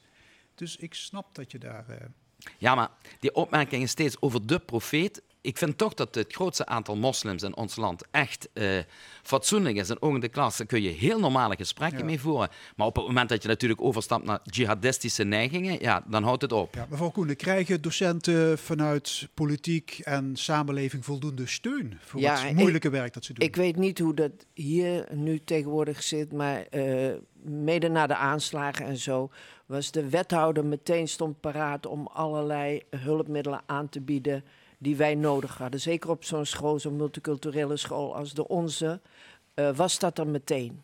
En daar ben ik, ja hoor, dat, er is steun genoeg, maar je moet dat wel willen en ook doen. Ja, u zei er straks, eh, geen concessies doen, er vol in, gewoon vertellen. En eh, ook al zijn er, weet ik veel, eh 500.000 mensen die die petitie tekenen, dat is dan jammer. En die zullen dat moeten slikken dat we in Nederland wonen en dat dat hier wel kan. Ja, maar hoe moet het verder? Nou, het is in ieder geval niet alleen aan de scholen. Nee, Kijk, we hebben het nu niet. vooral over het onderwijs en, en hoeveel burgerschap daar gegeven moet worden. Eh, dat moet in de hele maatschappij. Dat gaat ook om gezinnen, dat gaat ook om opa en oma, dat gaat om vrienden, dat gaat om eh, le- leraren. Dat want burgerschap is niet alleen maar de moeilijke onderwerpen. Burgerschap is hoe ga je met iedereen om en hoe willen wij met elkaar omgaan in een democratisch land. Waarin je vrij bent om te zijn wie je mag zijn, maar waar je dus ook de mening van iemand anders moet respecteren. En dat, werkt, dat lukt niet als je dat twee uur in maatschappijleer of geschiedenis doet. Dat moet je met de hele school Maar- uitdragen maar en dan het moet is je met de hele misschien wel de maatschappij een- Het is misschien uitdragen. wel de enige plek, omdat je thuis in die bubbel leeft, in Maar je dat- familie. Ja, is een Dat- mini-maatschappij, Als ouder heb jij die verantwoordelijkheid ook om jouw kind daarin op te voeden. Ja, maar dat kan, Maar het is toch wel zo dat eh, bijvoorbeeld doordat je in de onderbouw geschiedenisuren wegpakt, dat moet dan voor andere vakken gebeuren, kun je de slavernij kun je eigenlijk niet voldoende bespreken, zodat het bij de leerling doordringt wat dat eigenlijk inhoudt. En ja, daarom moet geschiedenis natuurlijk ook niet weg daar. Nee, nee, Snap en dat vind ik dus dat gedaan hebben. Dat vind ik wel een probleem. Er is, een, er is iets op school en er wordt meteen gezegd, ja, dat moeten ze bij maatschappijleer maar eh, even oplossen. Maar en wat de ouders makkelijk. betreft, ik eh nodigde de eerste week de ouders om de beurt uit. En dan sprak ik met ze en dan zei ik, ik begrijp, ik heb zelf ook een kind. Als iemand belt om iets negatiefs te zeggen over je kind, ga je automatisch in de verdediging. Dat is een soort eh Pavlov-reactie. Ik zeg, maar kunnen we nu afspreken, mevrouw of meneer, u doet het thuis, ik doe het hier. Als ik bel, doe ik dat niet omdat ik vervelend wil doen over een kind, maar omdat ik me zorgen maak. Zo schep je een bondje. goede verstandhouding met de ouders. Heel goed. En ik, ik hoefde dan, dan maar tegen kinderen te zeggen: Zal ik even je vader bellen? Oh nee, juf, dan krijg ik een pak slaag. Ik zeg nog één keer, maar dan doe ik het echt. En dan kreeg je pak slaag. Nou, jammer dan. Oké. Mag ik jullie hartelijk danken. Trudy Koenen, Renske Heijsen en Huub Francoor. Graag gedaan. Graag gedaan. Ja, er wordt ook eh, gevoetbald vandaag in de eerste divisie. Vitesse, Fortuna, De Sittard. eredivisie. Eh, sorry, de eredivisie Eredivisie. natuurlijk. Ja, sorry. Ja. Eh, Vitesse, Fortuna, Sittard in het Gelredome. In Arnhem zit Falco Kremers. Goedemiddag, inderdaad. We zitten in de tweede minuut van eh, deze wedstrijd in een leeg Gelderdoom. Uiteraard een leeg Gelderdoom hoe het dak ongeveer toe is, maar wel fris op de vroege middag. De zondagmiddagwedstrijd voor Fortuna dus op bezoek bij Vitesse. En het zal een moeilijke middag werden voor Vitesse, want Vitesse won tot nu toe alle haar vier toeswedstrijden en is de nummer 2 op de ranglijst van de Eredivisie met 22 punten uit 9 wedstrijden. Fortuna is sinds gisteravond de nummer 4 letst op eh, de ranglijst. Ik kijk heel even, want de Kump, nee, ik geen eh liggende vertraging gemaakt. Er werd in het 16 meter gebied op een speler van eh, Fortuna Fleming wordt, maar er wordt eh, gevlacht voor boetespel. En dus hoeft deze actie niet eh, door te gaan voor de ploeg van Ulte Fortuna. Is letze, eh, veel letze met de drie punten uit de negen wedstrijden. En zij dus hier tegen de nummer 2 in Arnhem op een moeilijke opgave. We hebben een minuutje of tien gespeeld hier in het stadion. Echte kansen zijn er aan beide kanten nog niet geweest. En dus de logische tussenstand 0 tegen 0. Falco Kremers bij Vitesse Fortuna. Het is tijd voor de column. De column. Vandaag met Jos van Wersch. Maandag noemde gedeputeerde Ruud Burlet hem nog heldhaftig. Maar vrijdag trakteerde hij Thierry Baudet al op een uitgestoken middelvinger. Te laat, meneer Burlet. Dat had hij moeten doen voordat hij Baudet beloofde om diens gedachtegoed uit te venten in Limburg. Wat u zelf overigens bij mijn weten nooit hebt gedaan. In de zendtijd voor politieke partijen die alleen TV hem gisteravond ter beschikking stelde, liet Bolet de kans voorbij gaan om mea culpa te zeggen of op zijn Baudets cui jus vis hominis est errare. Iedereen maakt fouten. Ik heb me ervan meer van over verbaasd dat een weldenkend mens en succesvol ondernemer als Ruud Burlet zijn jaarwoord gaf aan de rattenvanger van Hamelen uit Amsterdam. En ondanks de dagelijkse tv-commercial van de firma Beter Horen, Burlet bleef Oost-Indisch doof. Ook toen zijn boreale partijleider orakelde dat, citaat, Europa dominant blank en cultureel moet blijven zoals het is. De zeven Limburgse statenleden van Forum voor Democratie pakken uiteraard nog niet hun biezen.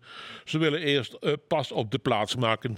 Politiek jargon voor de kat uit de boom kijken.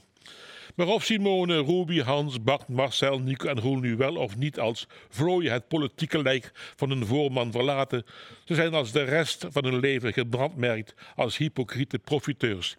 Want ze hebben hun baantje in het provinciehuis te danken aan Baudet, aan niemand anders. En je mag dan zoals Hans Reuzer ook nog opperhoofd zijn van het beroemdste zangkoor ter wereld de Maastrichter Staar. Je poetst er je aansluis bij Baudet niet mee weg. Met z'n zeven hebben ze weggekeken en zich laten beetnemen door een gevaarlijke fantast. Het voelt alsof een zak cement van mijn rug afviel, zei Boulet vrijdag, alsof hij die zak niet zelf heeft opgelegd. Nog bonter maakte uit de partij gestapte senator Otto Hermans uit Valkenburg het. Op Twitter staat dat Otto zich, citaat, met een schoon geweten blijft inzetten in de Eerste Kamer. Al dus Otto uit Valkenburg. Niet te verwarren met Otto Frank, de vader van Anne. Tot overmaat van ramp gaf deze week ook nog de beste voetballer ter wereld de geest. Ik zelf heb mijn Maradona-momentje in 1982 in Spanje tijdens het WK voetbal. In Villa Guayosa, een dorp tussen Alicante en Benidorm, ligt het vanwege de Falklandoorlog zwaar bewaakte hotel van de Argentijnse ploeg. Samen met drie andere journalisten mag ik naar het trainingsveld en ja hoor, daar is hij. Na het interview geeft hij me een ongeïnteresseerd schouderklopje met zijn linkerhand. Met die hand, de hand van God, maakt hij vier jaar later de knotshekste kopgoal uit de voetbalhistorie. De column van Jos van Wers was dat. De stemming van L1 Radio. Iedere zondag van 11 tot 1. We gaan verder met het discussiepanel. Drie opiniemakers discussiëren over prangende actualiteiten. Vandaag rond de tafel Terza Hoebe, consulent duurzaamheid en participatie. Loek Hustings, communicatieadviseur. En ondernemer Cor Bosman. Ja, Forum voor Democratie is afgelopen week geïmplodeerd. Ehm, ja, kunnen jullie genieten van zo'n politiek en menselijk drama? Of kijken jullie er toch meer met de gefronste wenkbrauwen naar? Ja, weet je, ik, ehm, ik zie dus dat de uil van Minerva inmiddels vleugellam geworden is. Ehm, maar er zit natuurlijk een menselijk drama achter en er zit een politiek probleem. Een jonge partij met een grote aanhang, met een charismatische leider, blijken dan toch onvoldoende volwassen te zijn om opgewassen te zijn tegen het politieke klimaat en tegen de politieke wensen die vandaag de dag geëist worden. En dat is meteen het gevaar van dit soort jonge clubjes die meteen de hoogte in vliegen.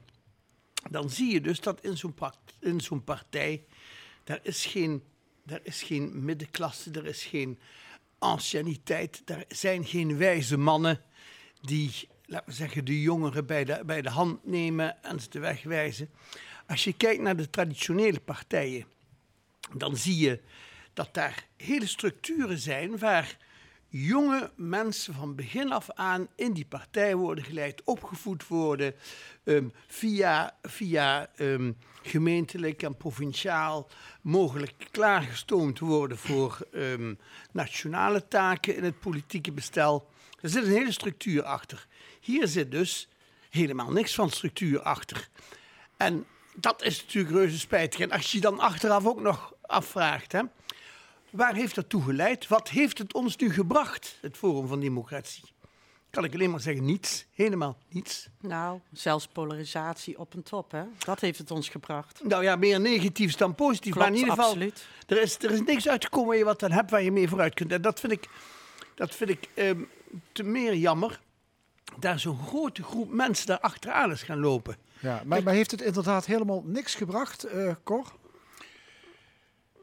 Ja, voor mij heeft het wel heel veel gebracht. Ehm, ik zal eerst even een, eh, een aantal omschrijvingen geven. Hypocriete, gluipers, huigelaars, fariseërs, schijnheiligen, dubbelhartigen, onoprechte, valsaards, profiteurs, charlatans, opportunisten, gelukzoekers, wannabes, neppers, verraders.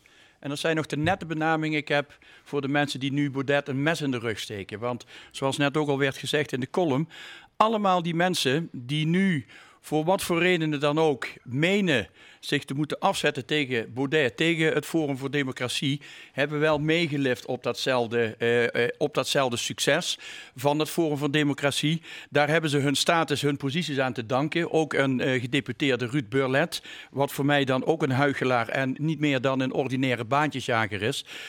Wat heeft het ons gebracht? Ik hoor Loek net zeggen van ja, het zijn partijen, jonge partijen, eh, die hebben geen structuur, die hebben geen anciëniteit.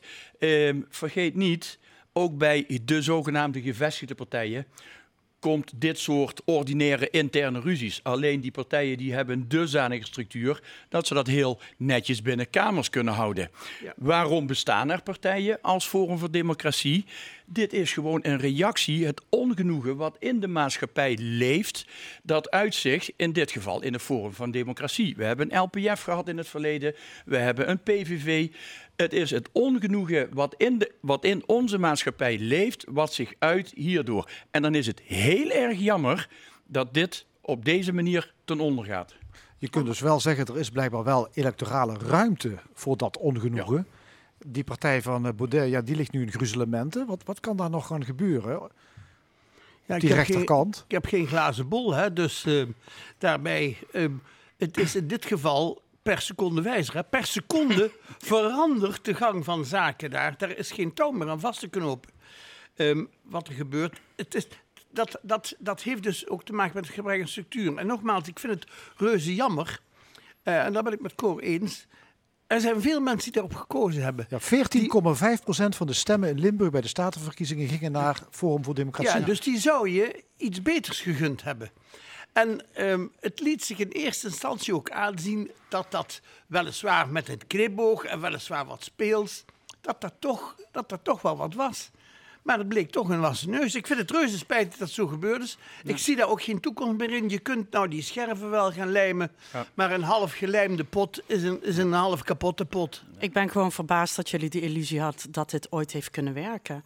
Al dit soort partijen, Forum, eh, de LPF, luister eens, electoraat, wat een bullshit.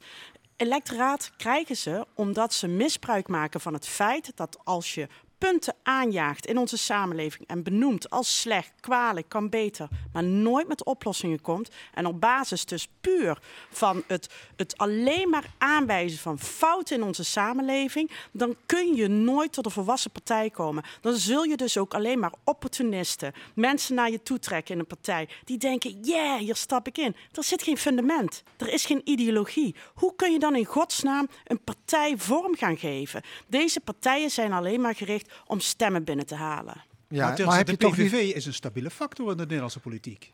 Is de tweede partij. Het is zeker En- de tweede partij. Maar uiteindelijk, op het moment dat ze aan de macht kwamen, zag je ook dat ze meteen faalden. Ze zijn alleen maar een stabiele partij door te schreeuwen. Ja, en partijen die alleen maar schreeuwen, levert ons als samenleving niks meer op. Maar is het toch niet belangrijk dat ook die categorie kiezers, dat die bediend worden? Dat het, Ik denk dat deze kiezers toch niet bewust kiezen voor een schreeuwpartij, partij, maar de ijdele hoop hebben dat deze partij met oplossingen komen. Maar als er gewoon geen, geen enkele manier is hoe zij oplossingen kunnen aandragen, omdat het ook niet hun wens is. Want als welke- problemen worden welke- opgelost, welke, dan welke is partijen gewoon. doen het dan wel?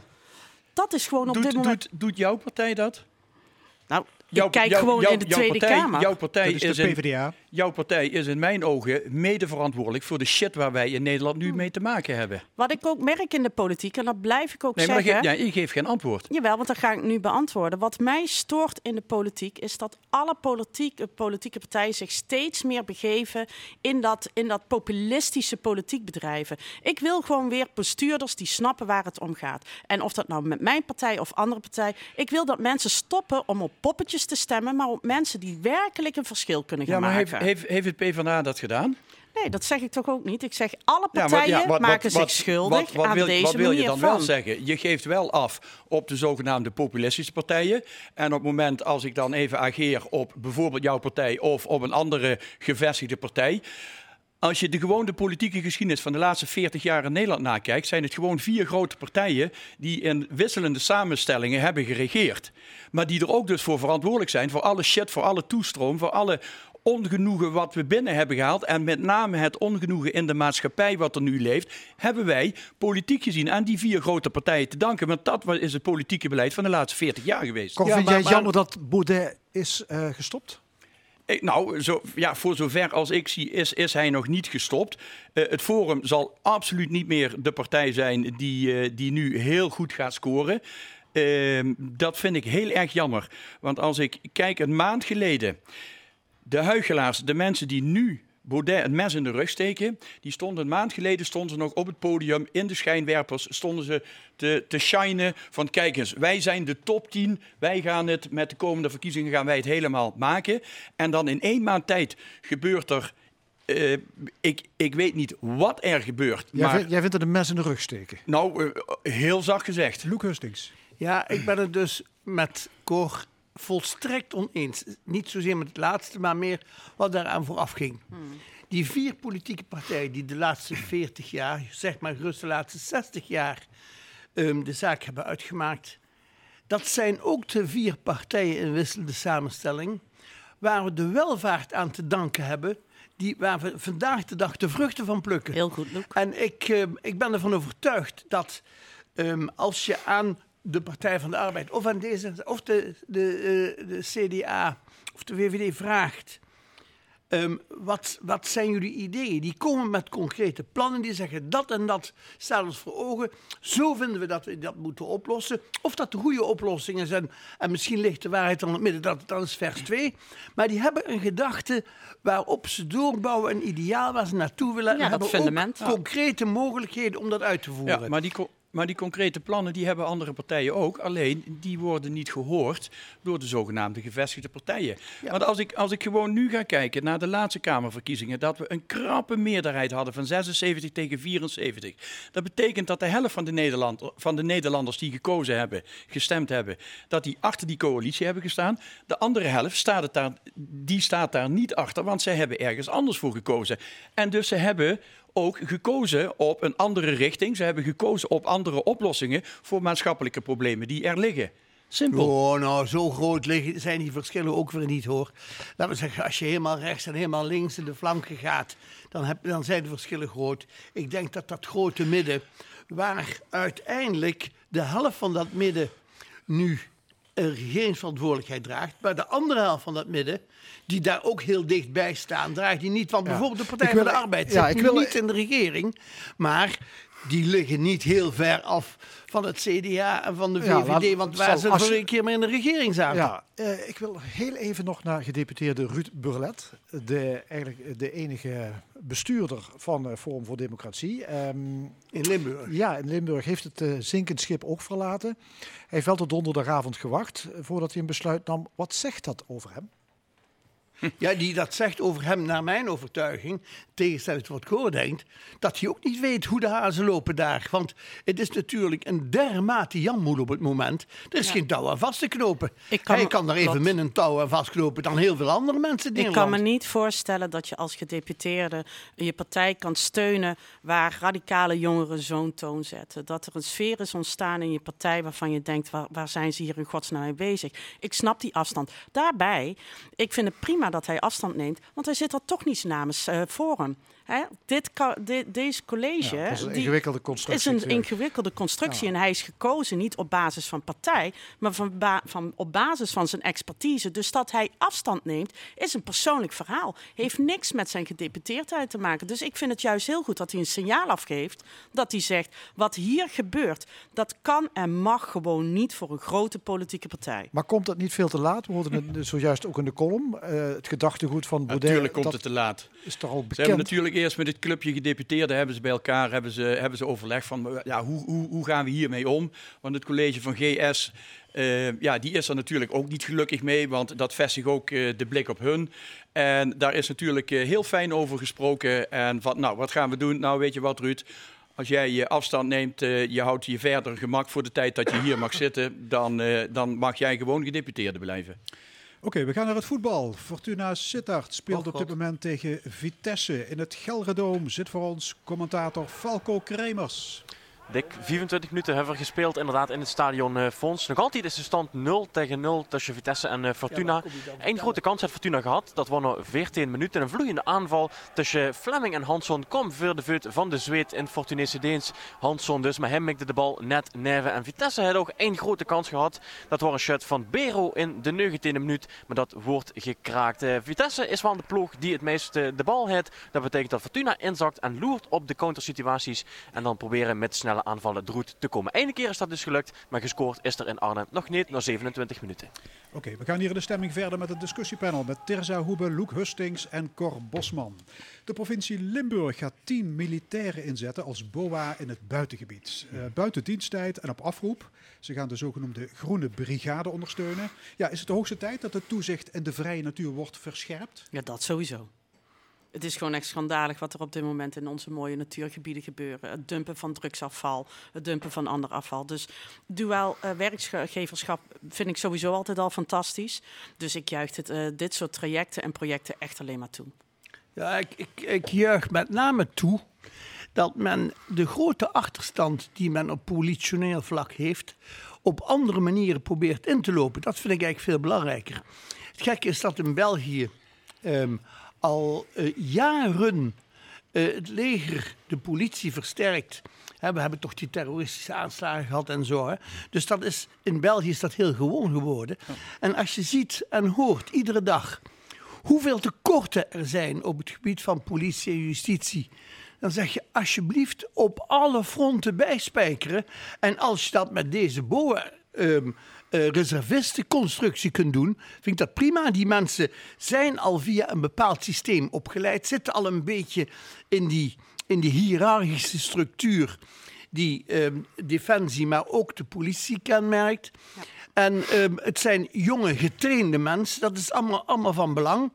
Ze hebben al een selectie ehm, eh, doorgaan hè, voordat, ze, voordat ze op deze positie kwamen. Dus een hele hoop zaken die er zou moeten gebeuren als je nou nieuwe mensen zou willen aannemen, zijn al gebeurd. Ik vind dat perfect om die op die manier te laten instromen. En ik vind het alleen heel spijtig dat het er maar tien zijn.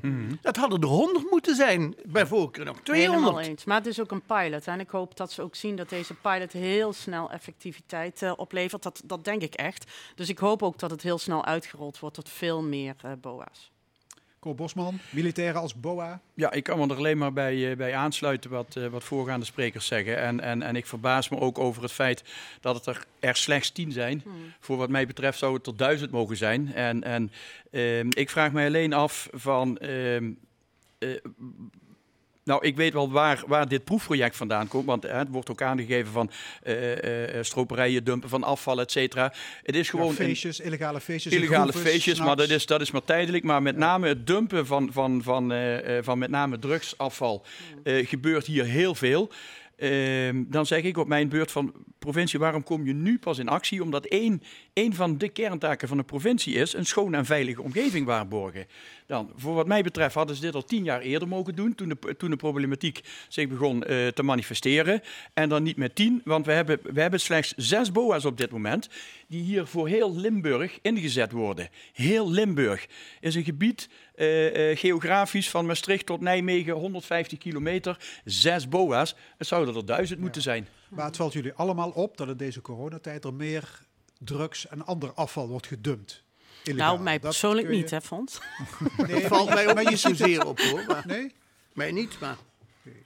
Nee, ja, ik heb bijna alle paadjes gehad, dus eh, grapje. Ja. En is, is het, maar is het toevallig dat hier soldaten voor worden ingezet? Nou, ik denk als je kijkt naar, naar hoe, hoe dat ze ons beroepsleger eh, de laatste 20, 30 jaar hebben uitgekleed. eh, ook ziet het terugtrekken uit, uit, uit allerhande eh, eh, ja, eh, missies, et cetera, en toestanden. Ik denk wel eh, dat dit eh, heel goed daarvoor is, omdat die mensen, ik wil niet zeggen dat ze nutteloos werk doen, maar dat ze wel nuttig worden ingezet eh, met een stuk hele goede basistraining, et cetera, goede uitrusting. Ik denk wel dat dit een hele Het is goede, nooit goede verkeerd om juist mensen uit het leger eh, toegang te geven tot eh, Ja. civiele banen.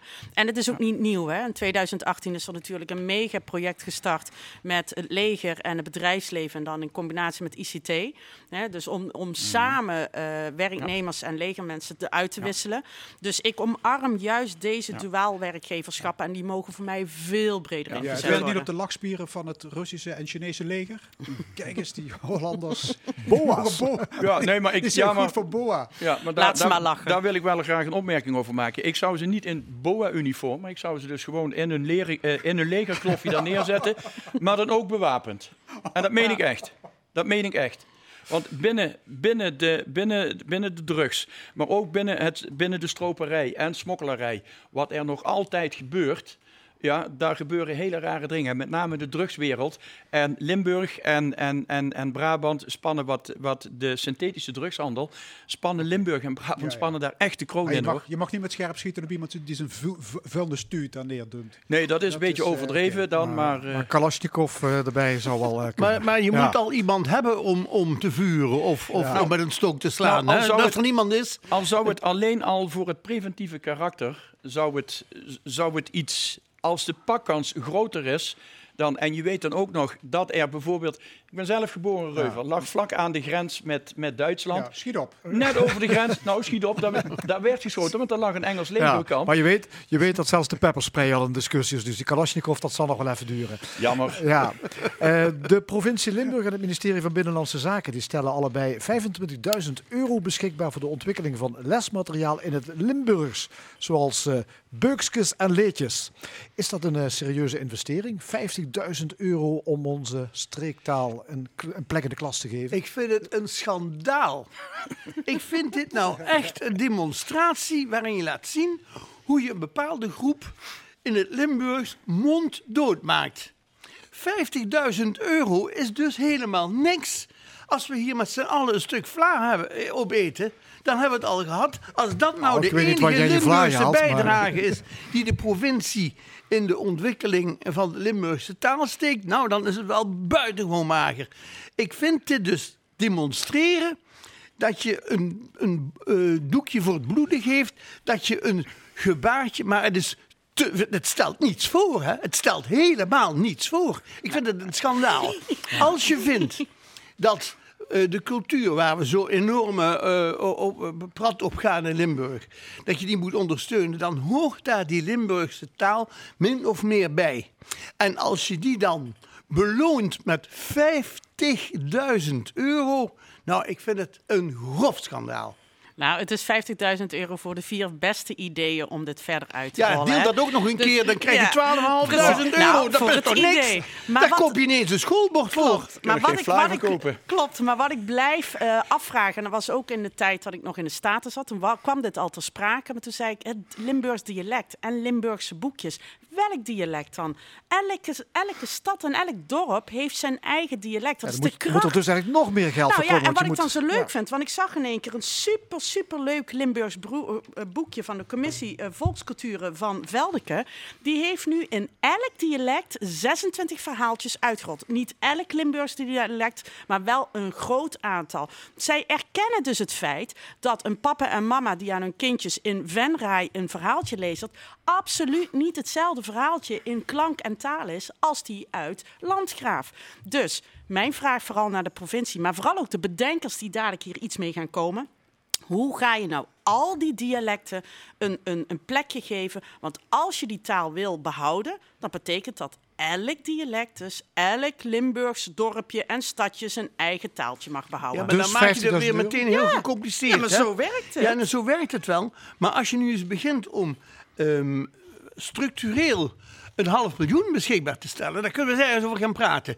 Als je praat over 26 eh, dialecten, die je dan ook nog van die 50.000 euro moet bedruipen. Nee, maar, daarom, Ja, maar, dat eh, is mijn vraag. Wat wil je bereiken? Kijk, ik vind het mooi dat ze zeggen... we willen onze cultuur behouden. We willen ook onze Limburgse taal behouden. Dan vraag ik me heel ernstig af... en dan geef ik jou gelijk, Loek... met 50.000 euro en vier losse ideeën... die ieder de, een klein bedrag krijgen. Ik geloof daar niet in. En mijn vraag is eerder... wat wil je nou echt behouden? Is dat een één taal in het Limburgs? Zijn er alle talen? Eh, de cultuureigenschappen? Ik vind, het, ik vind het inderdaad een stukje wassen neus. En ik zou dat ze hier echt wat beter over na gaan denken. Want ik vind het terecht dat ik erg gecharmeerd ben van al die mooie dialecten hier in het zuiden. Koch? Ja, dan gaan we gewoon vanaf nu gewoon, gewoon verder in het Limburgs praten. En die mensen die zich er nog niet in verdiept hebben in het Limburgs, daar komt 50.000 euro ter beschikking voor een taalkursus.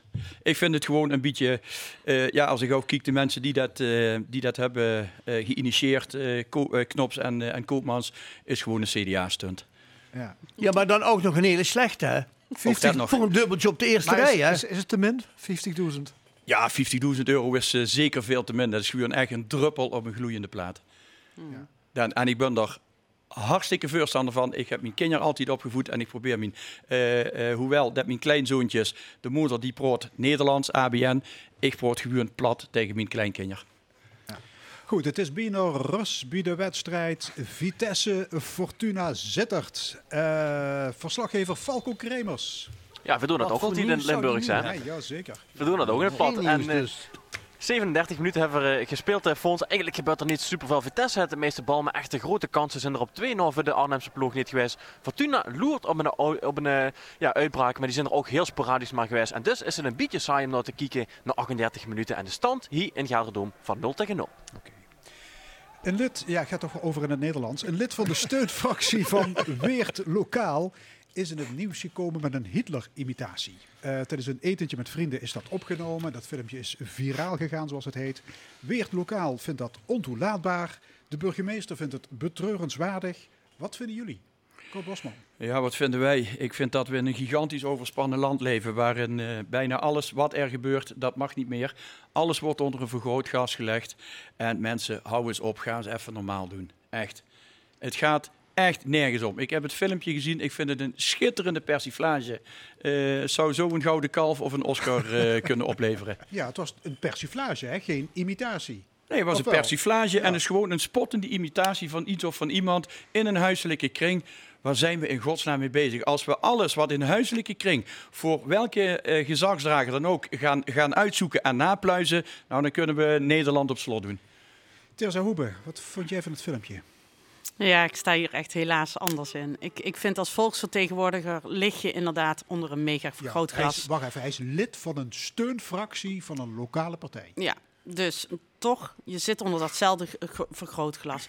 Kijk, ik, Ja, ik maar- geloof, maar- ah, ik geloof maar wel dat... Je kunt natuurlijk een vergrootglas richten op iets wat niet de moeite van het vergroten waard Nou, is. en nu heb je precies een punt. Ik vind dit soort onderwerpen, weet je, eh, eh, dismiss het en gooi het weg. Want ik vind het inderdaad zonde om hier echt heel diep op in te gaan. Het is gewoon een domme keuze. Het is naar buiten gekomen, nou ja, het zit op de blaren. Maar ik vind echt dat we het over belangrijkere issues Nee, mogen hoezo hebben. zit op de blaren? Je hoeft helemaal nergens voor op de blaren te zitten. Die man heeft helemaal niks fout gedaan.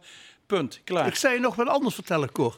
Als daar geen filmpje van was geweest, hè, maar alleen dat feit, had er nooit Nee, in de hele nee, wereld iemand precies. enige aandacht aan besteed. Juist. En waarom is dat filmpje dan ook nog, nog zo ver gekomen omdat het nog grappig is ook. Die man doet dat wel aardig, Was die, goed- die was goed persiflage. Ja. Ja, ja. Gouden kalf. En, maar je ziet meteen als je naar het filmpje kijkt... dat er dus in een hele kleine setting is opgenomen... met een paar vrienden die aan tafel zitten. Meer is Juist. het dus En- niet. En daar moet je er ook niet meer van En dat maken. geeft, dus, dat geeft dus ook de overspannen toestand van ons land aan. Alles wat, wat, wat er gebeurt, iemand legt er een vergrootglas op, zoals jij zegt, wat het überhaupt niet waard is om het vergrootglas op te En er wordt weer een mega eh, iets wordt ervan gemaakt. Houd daar gewoon mee op en focus je echt, wat Teerse ook zegt, op de echte Maar problemen. het staat in de krant, L1 brengt het.